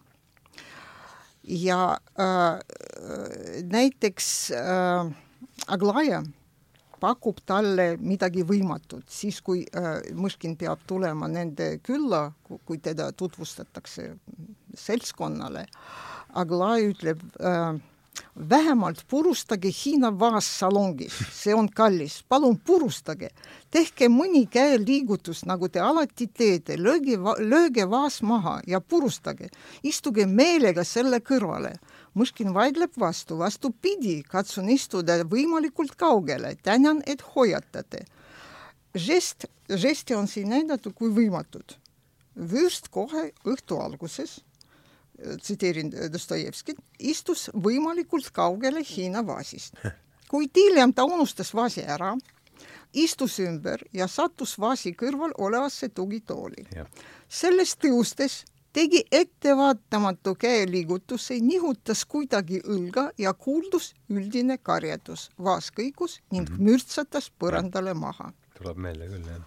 vot kogu aeg on selline vastuolulist kogu aeg on žestid ettearvamatud ja üldse äh, vot tema sees on mingi harmoonia, mida me ei saa aru, millest me ei saa aru üldse. ainult temas äh, elab vot selline sisemine maailm äh, ja selle maailma välised ilmingud harmoonias teiste jaoks see on tõepoolest imelik, nagu Dostojevski kogu aeg ütleb, ja tema äh, žestid on jälle mingi vot imelikud ja, ja vot äh, neid äh, keegi ei ootagi. Dostojevski kogu aeg mängib meiega, nagu iga kirjanik. ja näiteks Idioodis ta näitab, et äh, Mõškini mõju on väga suur teistele mm. -hmm. ja me võime seda äh, jälgida äh, kas või ühe lause äh, üle äh, või üle ühe lause järgi äh,, mida me oleme harjunud juba kuulda äh,, see on lause äh, Ilu päästab maailma mm. -hmm. see on väga imelik jälle Dostojevskil äh, väga tihti praegu kirjutatakse Ilu päästab maailma, tõdes Fedor Dostojevski romaani Idioot peategelane Vürst Mõškin. seda Ippoliit ütleb seda või? Esiteks eks ole, Ippoliit ütleb, on tõsi vürst, et te kord ütlesite, et maailma päästab ilu, härrased süüdistavad valjusti kõigile, vürst väidab, et maailma mm -hmm. päästab ilu, aga mina kinnitan, et tal sellepärast nii kerglased mõtted on, et ta nüüd on armunud, ärge punastage vürst, mul hakkab teist kahju, missugune ilu päästab maailma, vürst vaatas teda tähelepanelikult ega vastanud -hmm. talle. ja siis teinekord jälle Aglaja kuulge, pidage meeles, kui te hakkate rääkima millestki säärasest nagu surmanuhtlus või Venemaa majanduslik olukord või sellest, et ilu päästab maailma, siis äh, hoiatan teid aegsasti, ärge siis enam mu silma alla tulge. ja vürst üldse ei, ei pane tähelepanu sellele. aga meie millegipärast arvame kogu aeg, et seda ütles Mõškin. miks? Vot miks Dostojevski seda teeb, vot see on üsna huvitav. Jaan? ma ainult tahtsin väikse kommentaari teha selle löömise stseeni kohta, et ja. äh, noaga, noaga löömisest või? ei, see äh, Irina ütles, et, et Mõškin võib takistada äh, võiks, iga inimene ja. võiks, mitte takistada, vaid lihtsalt no vot mida te teeksite, vot keegi teie poolest äh, läheneb äh, teile noaga? oi, ma ei oska, ma ei, ma ei tea seda, keegi no te, te näete läheduses, vot oma näo läheduses noa. no siis hakkavad juba instinktid Täpselt, tööle. aga instinkt hakkab tööle, te, no te kaitsete mm. ennast, aga tema ei, ei mõtlegi. aga on seal äh, päris romaani alguses Ivolginite juures see stseen, kus Gania tahab äh, lüüa oma ja, õde ja, ja, ja siis kaitseb, ta takistab. aga see on teine, teine inimene, ta ei taha ennast kaitsta. oota, aga tal tuleb seal ju langede voog, eks ole? Mhm, ja, Dostojevski annab talle oma haiguse. ja, ja, ja, ja. Uh -huh. see, see ta päästab uh. -huh. jah mm. -hmm aga äh, tahtsid sa, Jaan, midagi? ei, tähendab, ma lihtsalt Äh, tuletan meelde seda eilset jutuajamist Irinaga, kui Irina äh, tõstis üles äh, teema, et kui palju Dostojevski on oma isikut kirjutanud või oma isiksust kirjutanud Mõškinisse sisse mm. -hmm no mitte nii palju, ma arvan äh,. et see langeda on kindlasti. seda kindlasti aga mida, kui praegu läks mõte, Lebedev on siin käinud mitu korda läbi, mis, mida, mida temast arvata, mis, mis, mis, mille, kellega on meil seal tegu? ta on väga osav kelm minu arust mm. -hmm. kuigi ta saab aru, ta saab vürstist väga hästi aru, ta saab aru, et see on mingi väljapaistev natuur ja äh, saab aru, et see on üld, üdini äh, aus inimene ja armastab teisi inimesi ja nii edasi. Aga ta ei suuda nagu oma, Lebedev, ma mõtlen, oma natuuri kuidagimoodi muuta ja sellepärast ta kogu aeg petab vürsti, ta kogu aeg nagu äh, äh teeb midagi, mis on te, see vürsti voliga, voli vastu või voliga vastuolus mm. -hmm. sest no vot selline kahene, ma ütleksin, inimene. no see sõna on stilistilise, stilistiliselt natukene vale, aga, aga esimesel, esimese hooga ma ütleksin, et Lebedev on kiibitseja mm. -hmm et ta, tema jaoks on tähtis olla juures, kus, kus midagi toimub, kuigi tal enesel, ta ise jääb sealt nagu kõrvale, tähendab, ta jälgib, jälgib seda, aga, aga ega ta väga ei sekku või mul ei tule praegu meelde, et, et ta sekkuks.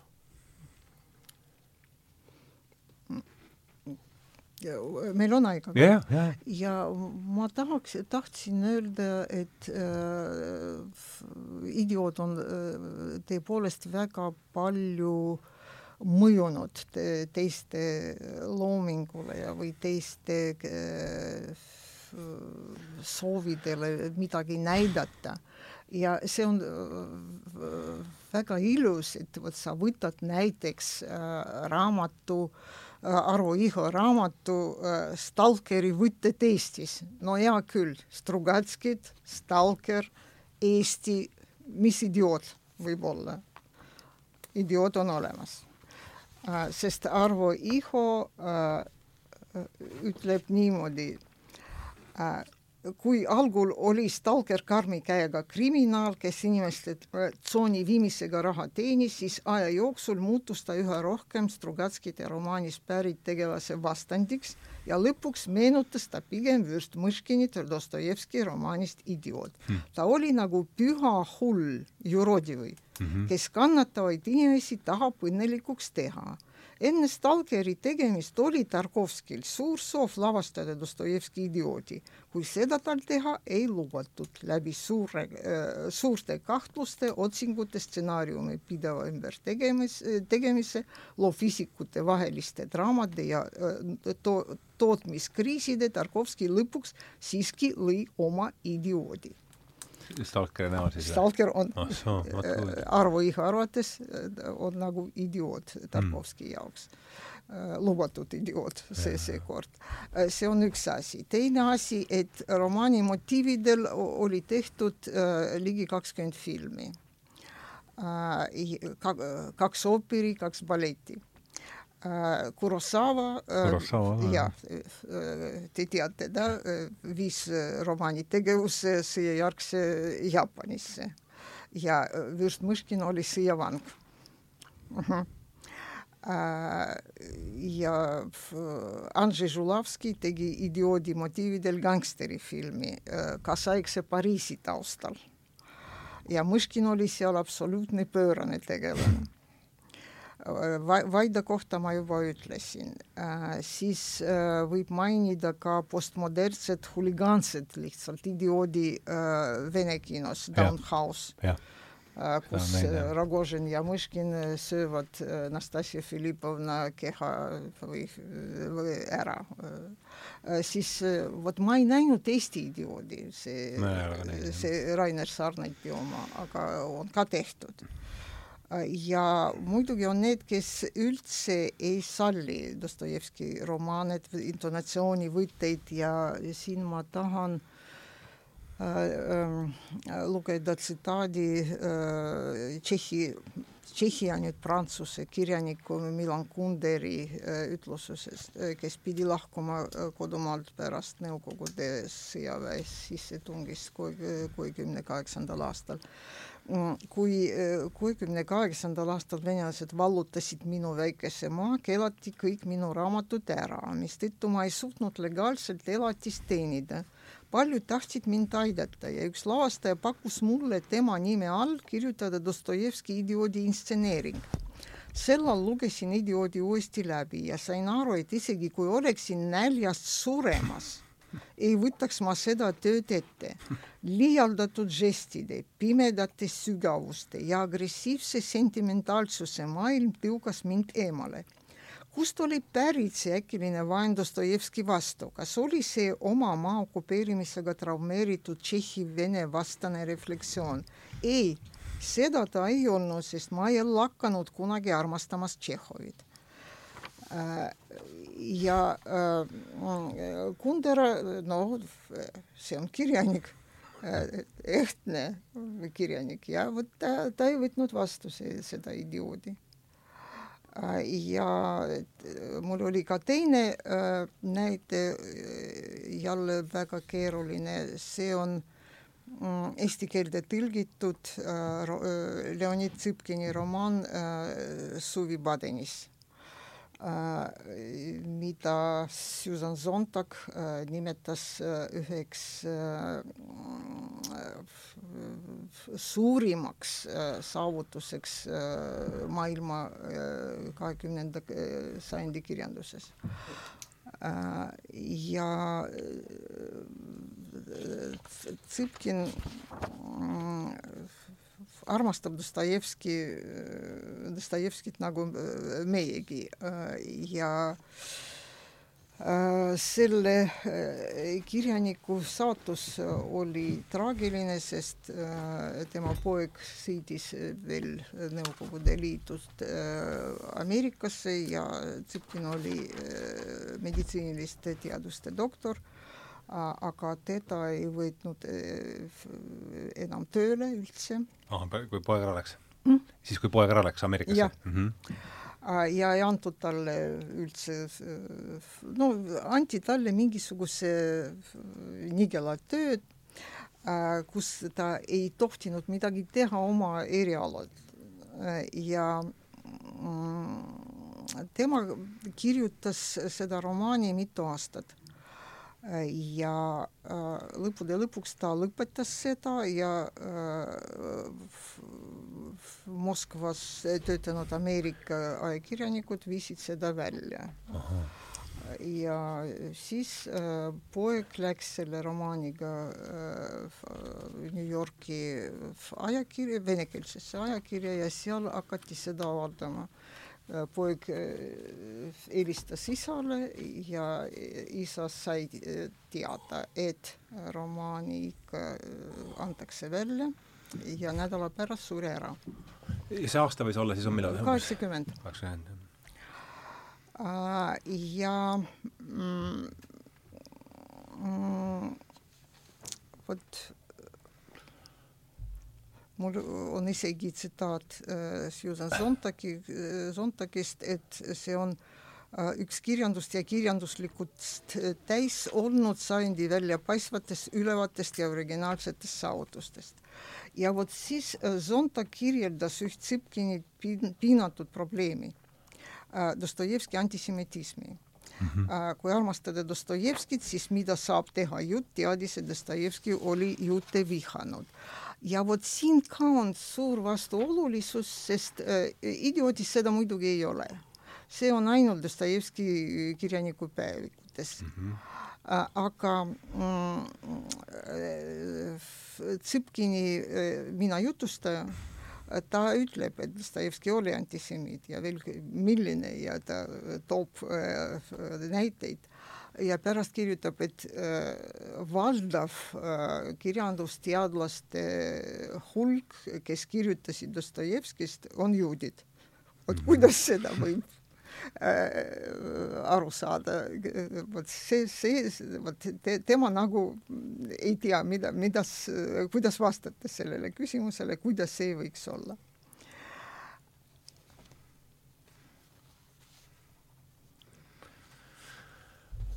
mis mõtted on sul, Jaan, tulnud vahepeal?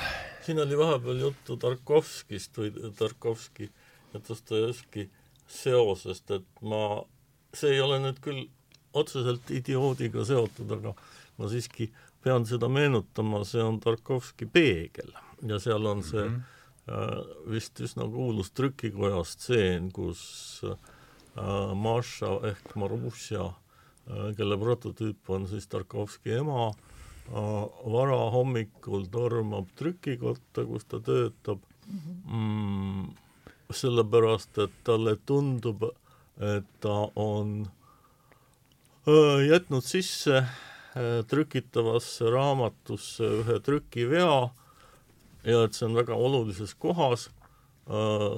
Irina kolleeg Aleksandr Danilevski ükskord ütles mulle, mm, et tegelikult kirjandusteadlased teavad, mis sõna see ja. oli sõna, sõna teavad kõik, moonutust me teame ja mitte kirjandusteadlased, väga paljud inimesed seda teavad. aga te ütlete meile ka või? Äh, ma ütlen, aga te ei saa aru ja ma, ma, ma pean siis äh, eesti keelde tõlkima, aga siis tõlki, proovige te tõlkida. see on lihtsalt äh, Stalin, vot nimi Stalin. Ja tema kardab ja niimoodi see oligi, et teine täht seal on lihtsalt moonutatud ja selle T asemele on juhuslikult pandud R et see on siis sret sõnalt mm. -hmm. no niimoodi, aga aga vot proovige tõlkida nüüd. mi-, mida siis äh, tuleb välja, ma, ma lihtsalt ei, ei tea, kuidas, ole, kuidas see eesti keeles öelda. see ei ole ju äh, korrektne äh, vorm, vene keeles ka see ei ole, aga tähendus on olemas. ei nojah, tähendab, on, on sõna juur on olemas. just, see on tüvi. jaa äh, ma ei tea, seda, see tõlge tuleb leiutada, aga nii äh, ük, üks ei, tõlk... ma, ma lihtsalt ei tea, kuidas seda eesti keelde tõlkida lihtsalt, ma, ma ise oleks öelnud. Mm, no tea. kui ei ole vaja tõlkida, siis ei, ei olegi vaja tõlkida oota, see lugu, see lugu hakkas nüüd niimoodi, et Tarkovski filmis Peegel ja, ja, ja ma tulen kohe selle juurde tagasi, et mm, -hmm. et siis Maša või Marussia hakkab äh, trükikojas otsima neid veerge, mida ta õhtul luges ja siis mm -hmm. on see tema kolleeg, äh, kes on natukene äh, nii-öelda võib-olla emaliku iseloomuga, Elizaveta Pavlovna äh, kes, kes püüab seda Marussiat äh, rahustada ja Marussia äh,, Marussia kontrollib veergudest üle ja selgub, et kõik on õige, midagi ei ole valesti tehtud ja siis toimub niisugune järsk pööre, mm, kus äh, ülemus, noh, ma ei tea täpselt, mis, kui suur ülemus, toob siis pool pudelit piiritust ja äh, siis Jelizaveta Pavlovna toob sisse äh, Dostojevski. Perekonnanime ei nimetata, ta ütleb Fjodor Mihhailovitš, millest iga venelane saab aru Äh, ja viide on vendadele Karamazovitele, mitte siis idioodile.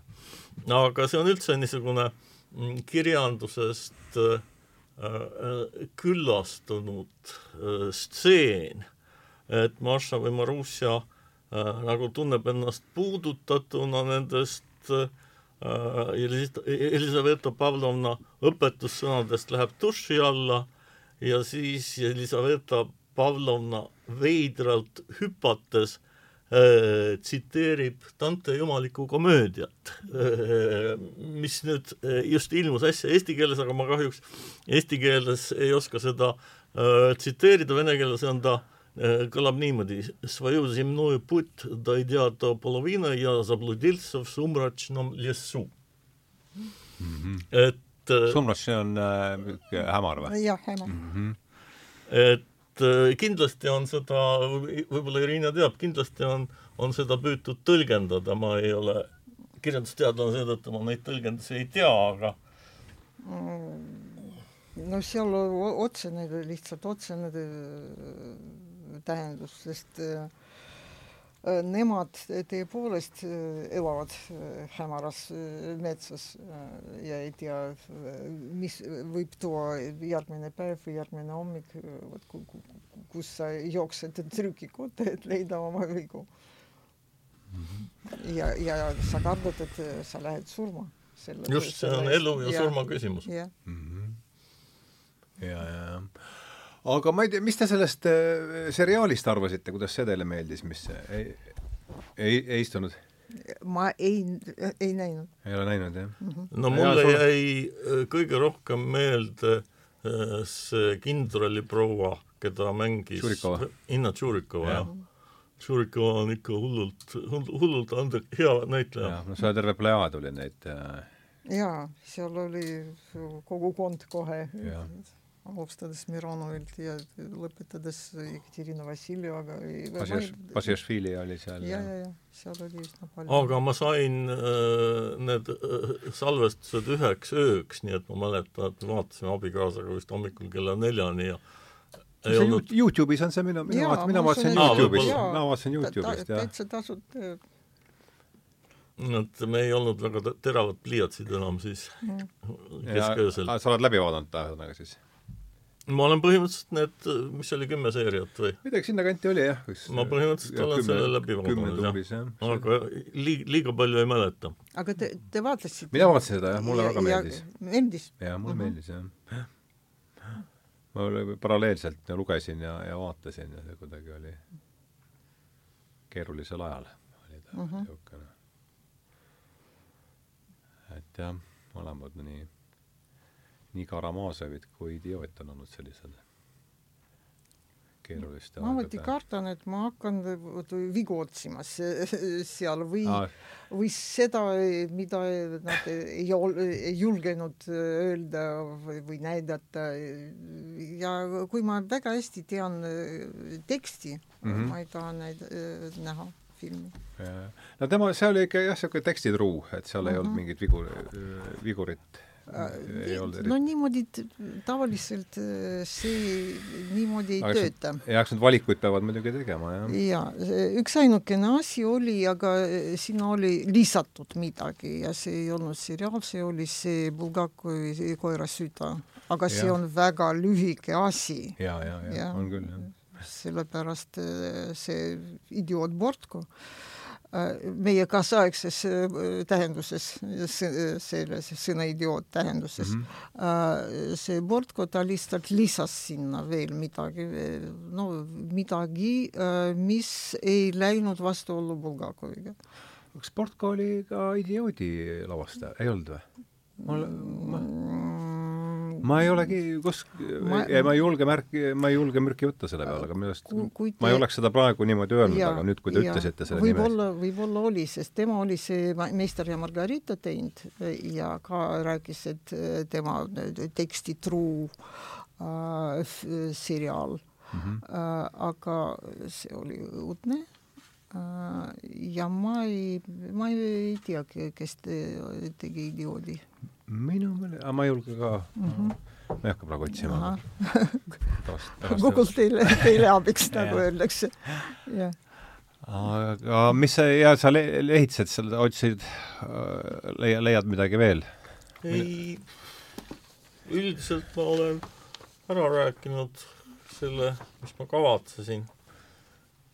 et ma arvan, et mul ei ole väga palju rohkem lisada nii, vaatame, mis meil siin on. Äh, jaa, äh, paarkümmend veerand, veerand tunnikest on võib-olla siin veel üritada kokku võtta, et ma, ma olen siin viimastes saadetes lõpus esitanud ühe sama küsimuse, et me mõtlen siin juba niimoodi veebruari lehe peale mm. -hmm. ja meil on igas lehes on teema ja keskne teema ja veebruari lehe teema on puritanism ja puritaanlus, et mis äh, see on nüüd täiesti, kui me saame selle raamatuga sideme luua, siis on hästi, aga et mis on teil esimene äh, reaktsioon selle, selle mõistega, kes tahab olla? mul ei ole reaktsioon mitte mõistega, aga mul on selline küsimus, et kas äh, seda teist idioodi saadet, et kas need asjad nagu kuskil kokku saavad, ma mõtlen seda Juku-Kalle no seal oli, pealkiri oli Teine tulemine, me rääk-, kes-, just keskendusime sellele kristluse, ma ei jõudnud mm -hmm. seda kahjuks ise, ma ei jõudnud seda ise läbi äh, nüüd enne, enne uuesti kuulata, aga seal oli see fookus jah, et see et kui ma panen nüüd ennast kuulaja seisukorda, siis väga loomulik on ette kujutada sellist reaktsiooni, et noh, ükskord juba oli, mis nad siis teinekord veel räägivad. ja, ja no teised inimesed. ja hoopis te teised teemad, jah. ma tahaksin veel kuskile, mitte lõppu yeah.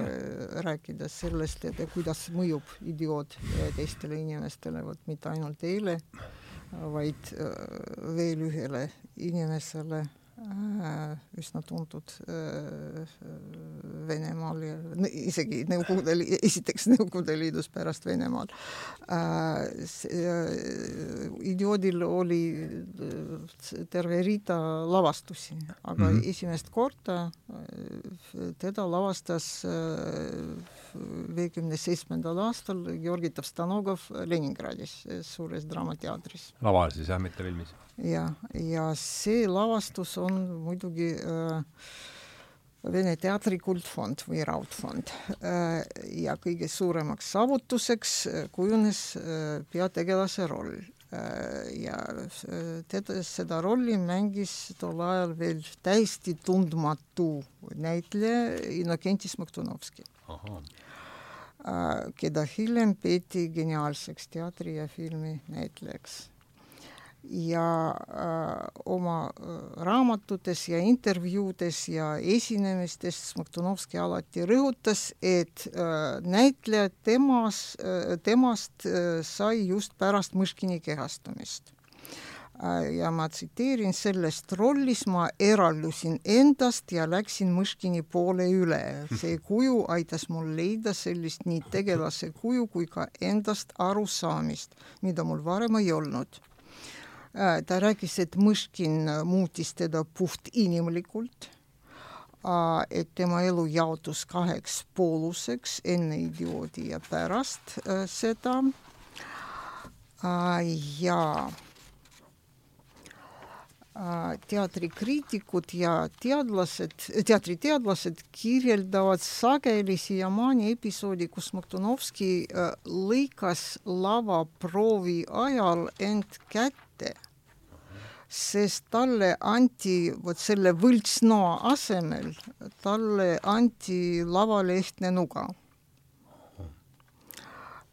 ja ta karjatas ootamatusest ning kõigi saalis ja laval olnud vapustas see, et nad kuulsid mitte Innokenti Smoktunovski valukarjad, vaid Vürst Mõškini oma. Mm vot, vot see oli äh, nii piltlik minu arust äh,, et äh, tõepoolest roll mõjub inimesele nii, et teised seda näevad, mitte vot tema endamisi teab seda aga teised kuulevad Smoktunovski asemel just Mõškini ja teavad, et peab olema, vot see peab olema Mõškini kari, mitte Smoktunovski, see on minu arust väga huvitav mm. -hmm ja mõjutav. ja see oli siis ta kuuekümne, mis see viiskümmend seitse. ah, viiskümmend seitse. Mhm. Mhm see oli tõepoolest tema üks esimese rolli, rollidest e, üldse, sest ta on provintsist, Smartunovski ja ma ei mäleta, kus ma, kust Tavstanogov teda leidis, aga vot sellest ajast saadi, et tema hakkas mängima kõike mm. -hmm. Ah, see läbi, läbilöögiroll siis jah? Mhm. no vot, see oli selline roll tal, et et ja vot kõik need tema ütlemised selle rolli kohta, nad on väga no nad on väga hilja tehtud. see juba tähendab, et tema nagu kandis seda terve oma elu jooksul mm -hmm. endaga, vot seda Mõškini. Jan, mida jälle leidsite seal? See ei ole tegelikult üldse tähtis, aga olgu, kui, kuna aega on, siis ma nimetan selle ära. et me käisime Irina teiega eelmine kord siin saates rääkimas Anna Kareninast ja mm, -hmm. ja on üks tehniline detail, mis idiooti ja Anna Kareninat ühendab, see on see, et mm, tegevus toimub nii-öelda kahe keskuse või kahe lookuse vahel, üks on, üks on linn ja teine on suvituskoht ja toimub selline edasi-tagasi sõitmine mm -hmm. ja liikumine kogu aeg. jaa, õige tehtud, poeetika mm. -hmm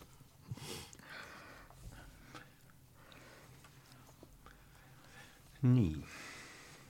ja kui tahate veel ühe tsitaadi. lausega Ilu päästab maailma ähm, äh, lahkunud Vene prosaist Vladimir Makanin äh, tema Tšetšeeni sõjale pühendatud jutustusega, mille äh, eest ta sai äh, suure raamatu preemia ja äh, teda kiruti need äh, poisid, kes võitlesid Tšetšeeni sõjal, sest äh, Makanin siis, Makaninit seal ei olnud, aga ne, nemad täpselt teavad, kuidas see oli mm. -hmm. See on jutustus nimega Kaukaasia vang, kus traagiline ja halastamatu sõda hukutab kõike inimlikku sõdurid tõenäoliselt ei teadnud seda, et ilu päästab maailma, kuigi mis on ilu, nad üldiselt teadsid. Ja seal jutustuse peategelane tunneb midagi imelikku väga ilusa vangist Tšetšeeni noormehe vastu. see on jälle tänase Jaani jutu äh, juurde Äh, sisuliselt äh, Makanin aastal üheksakümmend neli mitte ainult kirjutab sõjast, mis moonutab inimesi täielikult, ta esimesena vene legaalses kirjanduses, sest illegaalses seda oli varem ka, legaalses kirjanduses ta esimesena räägib homoseksuaalsetest, homoseksuaalsest armastusest. Kas ilu päästab maailma? peategelane, kes viib vangi haavatud jalaga staabi, vahetevahel ka tassib teda turjal kuid äkki kuuldes võõraid hääli, ta kardab, et vang karjub omadele ja palub abi ja ta kägistab noormeest. Ja edasi uh, järgneb tsitaat. ilu ei jõudnud päästa, konstateerib Maganin. Ja lõpus peategelane täis tuska vaatab ümberringi, mäed, nende ülevus, vaikiv pidulikkus teeb teda mitmendat aastat ärevaks kuid mida õieti ilu tahtis talle öelda, milleks hõigas.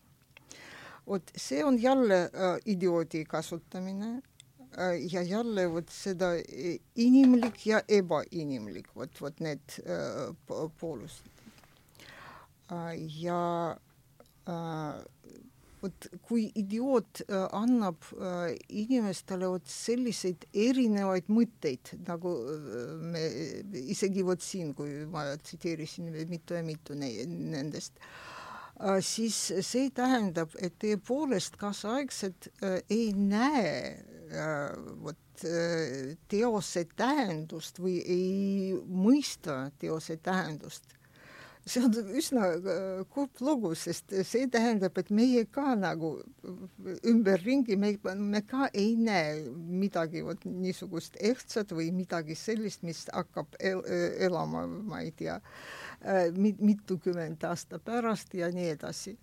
Äh, sest Idioot on praegu elav romaan. Mm.. see on minu arust isegi vot meie ajal, kui väga paljud üldse ei taha lugeda. aga Idioot on see romaan, mida ikka loetakse. võib-olla pealkirja pärast ma ei tea, sest pealkiri on ka üks väga tähtis osa sellest. ja et äh, romaan on elav tõepoolest. aga see on ootamatu, et, et teda loetakse, sest ta on nii paks see ei ole paks võrreldes Vennad Karamaazovidega, see, kuidas see on eesti keeles, kurjad vaimud või need vesi? sortsid ja kurjad vaimud, kaks pealkirja. ahah, jah mm, ja nii edasi, nii edasi. see ei ole paks. kas te, mis te seda tema Pentateuchist idioot on, mitme, mis järjekorras tal tulid need? Sa, äh, sa mõtled no see viis, see suur viisik, mis tal on, ega see idioot on keskel, täiesti keskel, kolmaseks. kuuskümmend seitse, kuuskümmend kaheksa. ja pärast seda vennad Karamaasovid ja pärast seda sortsid või kur-, kurjad vaimud. ja kas Karamaasovid pole viimane mitte mm,? ma ei mäleta isegi. minu meelest olid Karamaas-, aa no jah, ei ole. võib-olla küll. aga jah, see peaks kolmas olema, jah? jah mis see, see Kuriteo ja karistus esimene või? jah, kui romaan mm. -hmm. aga äh, miks äh, ikkagi mulle nüüd hakata aga, aga mida te mõtlete see, vot see viiendiku või, või see viisiku no see suur viisik, mis ta, mis ta äh, nimetatakse. vot vi, viies, see, mis on viies? kuritegu karistus? nooruk või? vot kõige, minu arust see on kõige nõrgem romaan. jaa, ei ma sellega jah, ma olen Isegi... aga ta vist pannakse sinna või su-, pole ju mingi Dostojevski uurija suur, aga mina, ma olen aru saanud, et et sinna ta arvestatakse sisse. aga ma, kui ma vaatan neid märkmeid siin üle veel, et lõpetada hakata, et kaks, mis ma enda jaoks olen siin tõmmanud jooned alla, et tuhat üheksasada kakskümmend kuus kuni tuhat üheksasada viiskümmend seitse oli siis romaan Põlu all Venemaal. jah kolmkümmend aastat. seda, seda ei trükitud äh, ja no Dostojevskit ei olnud nagu, keegi ei Kogu... maininud Dostojevskit, äh, see oli vist äh, seotud, minu arust vähemalt, see oli vist seotud sellega, et Freud oli keelatud kuskil Aha. täpselt samal ajal. Aha. ja loomulikult tema õpilased ka, Freudi ja. õpilased ja Aha. tema ideede äh, järg, järglane Nõukogude Liidus oli selline Jermakov ka oli keelatud. Jermakov? jah. Ja Dostojevski no oli vist nende arvates, kes keelas, oli seotud Freudi ideedega, no aga oligi, ma, usun, et oligi psühholoogiline mitte Dostojevski arvas niimoodi, aga psühholoogiliselt jah mm,. jah. Stalinile ta ei meeldinud, ma saan aru siis? vot öeldakse niimoodi, ma ei saanud kontrollida ja ei hakanudki, et Stalin oli märksa,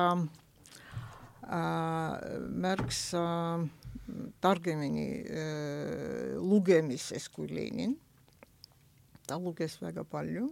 muuseas muusikas ka. jah, ja ta enda jaoks ta hindas Dostojevskit, aga ta arvas, et seda ei ole vaja tema rahvale mm. -hmm. ja põhjendus võis olla? on ta seda kuskil? ei tea, võib-olla jälle vot see psühholoogiline mm -hmm. mingisugune segadus ja, ja kahetisus ja ei aita viis aastaga plaani täitmisele kaasa ja,. jah, jah, jah, see ei aidanud. Irina, te äh, päris alguses nimetasite seda, et Dostojevskit ei olnud kooliprogrammis, et ma lisaksin siia, et äh, noh, mingis mõttes absurdsena mulle tundub, et samal ajal oli kooliprogrammis Tolstoi Sõda ja rahu ja eeldati, et me loeme seda, see oli siis üheksas või kümnes. jaa, aga see on teine asi äh,. ei, tüdrukud lugesid seda rahu osa, perekonna osa, poisid võib-olla vaatasid seda sõja osa, aga see ei olnud Tolstoi romaan, see oli vot mingisugused fragmendid.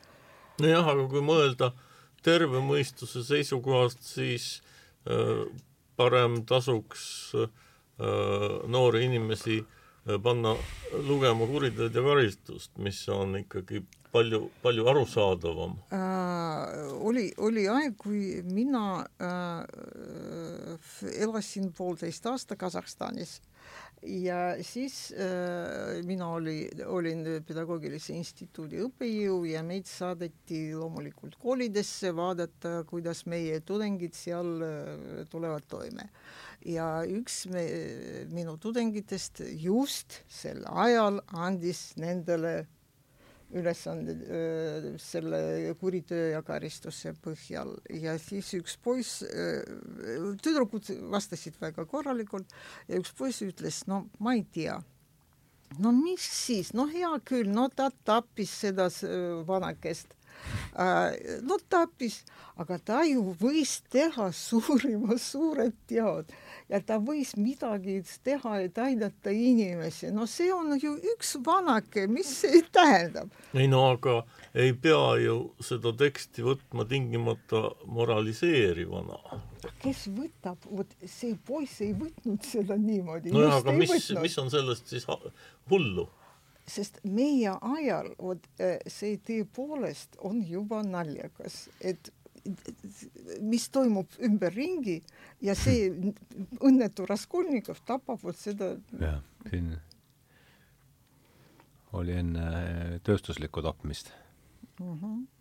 jaa, Dostojevskil oli hoopis teine aeg ja kui, kui tema, vot muide, kui tema äh,, vot mõlemad äh, peategelased, nii Ragožin kui ka Vürst Mõškin, nad mõlemad äh,, ei, mitte Ragožin, kes see teine oli, kohe mul tuleb meelde, kui nad näevad seda Kolbeini pilti Aha, ja, ja ütlevad, et mõnel veel usk kaob lihtsalt. selle võib usu kaotada. pildi vaadates, jah. Ja.. Pildi vaadates usk kaob, aga mis, mis siis öelda tapmise puhul? aga meil pildid, tapmised no aga see on ju väga hea teema selleks, et tunnis arutada. jah, aga proovige. Ja mul on kusagilt meeles, et ta oli, kas, kus see Holbeini maal on väljas olnud, ta oli roninud sinna niimoodi tabureti peale ninaga vastu naine karti, see oli talle, Dostojevskile endale oli avaldanud seal mhm. tohutut mm -hmm. muljet, et ja, ja.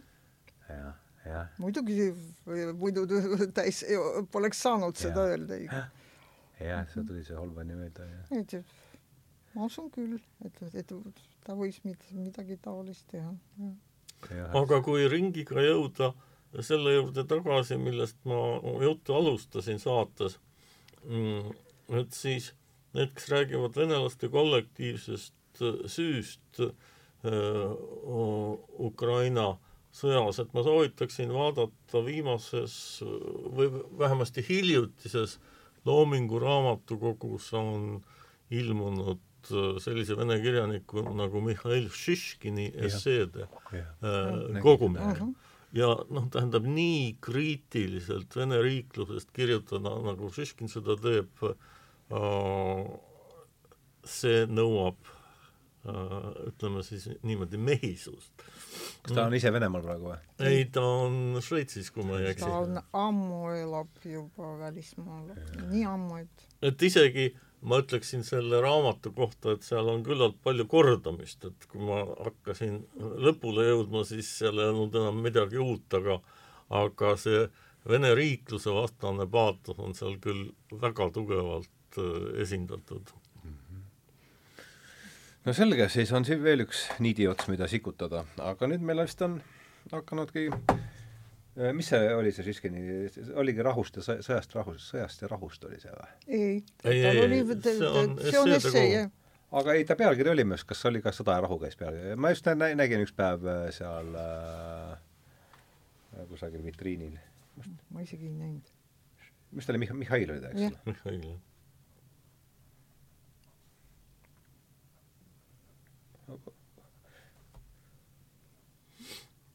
või rahust ja sõjast või midagi sellist, aga nojah. noh, et ja see oli Loomingu raamatukogu, eks ole? suhteliselt hiljuti. no vot siis, aga äh, mis siis, kuidas see asi nüüd kokku võtta, mis on, mis teile endale jäi tänasest vestlusest võib-olla, millele polnud varem mõelnud või kui nüüd lõpetuseks äh, üritada niidid kokku tõmmata no mul alati on niimoodi, et kuna mina olen filoloog, kuna mina tean neid kirjanikke ja tean nende teoseid, siis mina kaldun alati nagu äh, alla hindama neid. sest mulle tundub, et kõik on selge mm. -hmm Äh, kõik on selge ja ma pean rääkima sellest, mis selge ei ole või, või isegi mul ei ole lõpuni selge, aga tegelikult äh, peab rääkima äh, sellest, et nad on, need on suured asjad. Ja et inimesed, kes seda lõid, need olid targad, väljapaistvad ausad äh, ja äh, sellised no isegi võib-olla ütlema, et äh, geniaalsusele lähedased inimesed mm. ja vot seda tõepoolest me kogu aeg, mina vähemalt kogu aeg panen sulgude ette, aga vot seda teha ei tohi mm. -hmm, ma ütlen vahele, Šiškini raamatu pealkiri on Sõda või rahu ah,. sõda või rahu, jah. ja küsimärk. jah, jah, jah, jah, jah, mõlemad sõnad olid seal aga Jaan, mis sina siis, sama küsimus, et äh, mis äh, tänasest vestlusest kõrva mm, jäi mm,? no mida... Äh, Irina avab minu jaoks selliseid äh, tahke äh, romaanis, mille peale ma ise ei, ei tuleks ja äh, noh, kuna see kirjandusteadus ei ole minu elukutse, et siis ma ilmselt ei hakkaks ka mm, otsima äh, vastavat kirjandusteaduslikku, vastavaid kirjandusteaduslikke äh, käsitlusi, ma ainult äh, tulen veel korra selle homoseksualismi juurde tagasi, et see ei ole tegelikult minu mõte, ma olen seda kuskilt lugenud, aga ma ei mäleta enam, kust ma olen seda lugenud mm. -hmm. nii et see on kellegi professionaali äh, poolt välja mõeldud, mis ei tähenda muidugi seda, et, et see peaks olema õige, aga miks, miks mitte, te, te ju usku, uskusite seda? ei, see oli mulle väga huvitav tol ajal, see oli sügaval nõukogude ajal. aa, juba siis jah.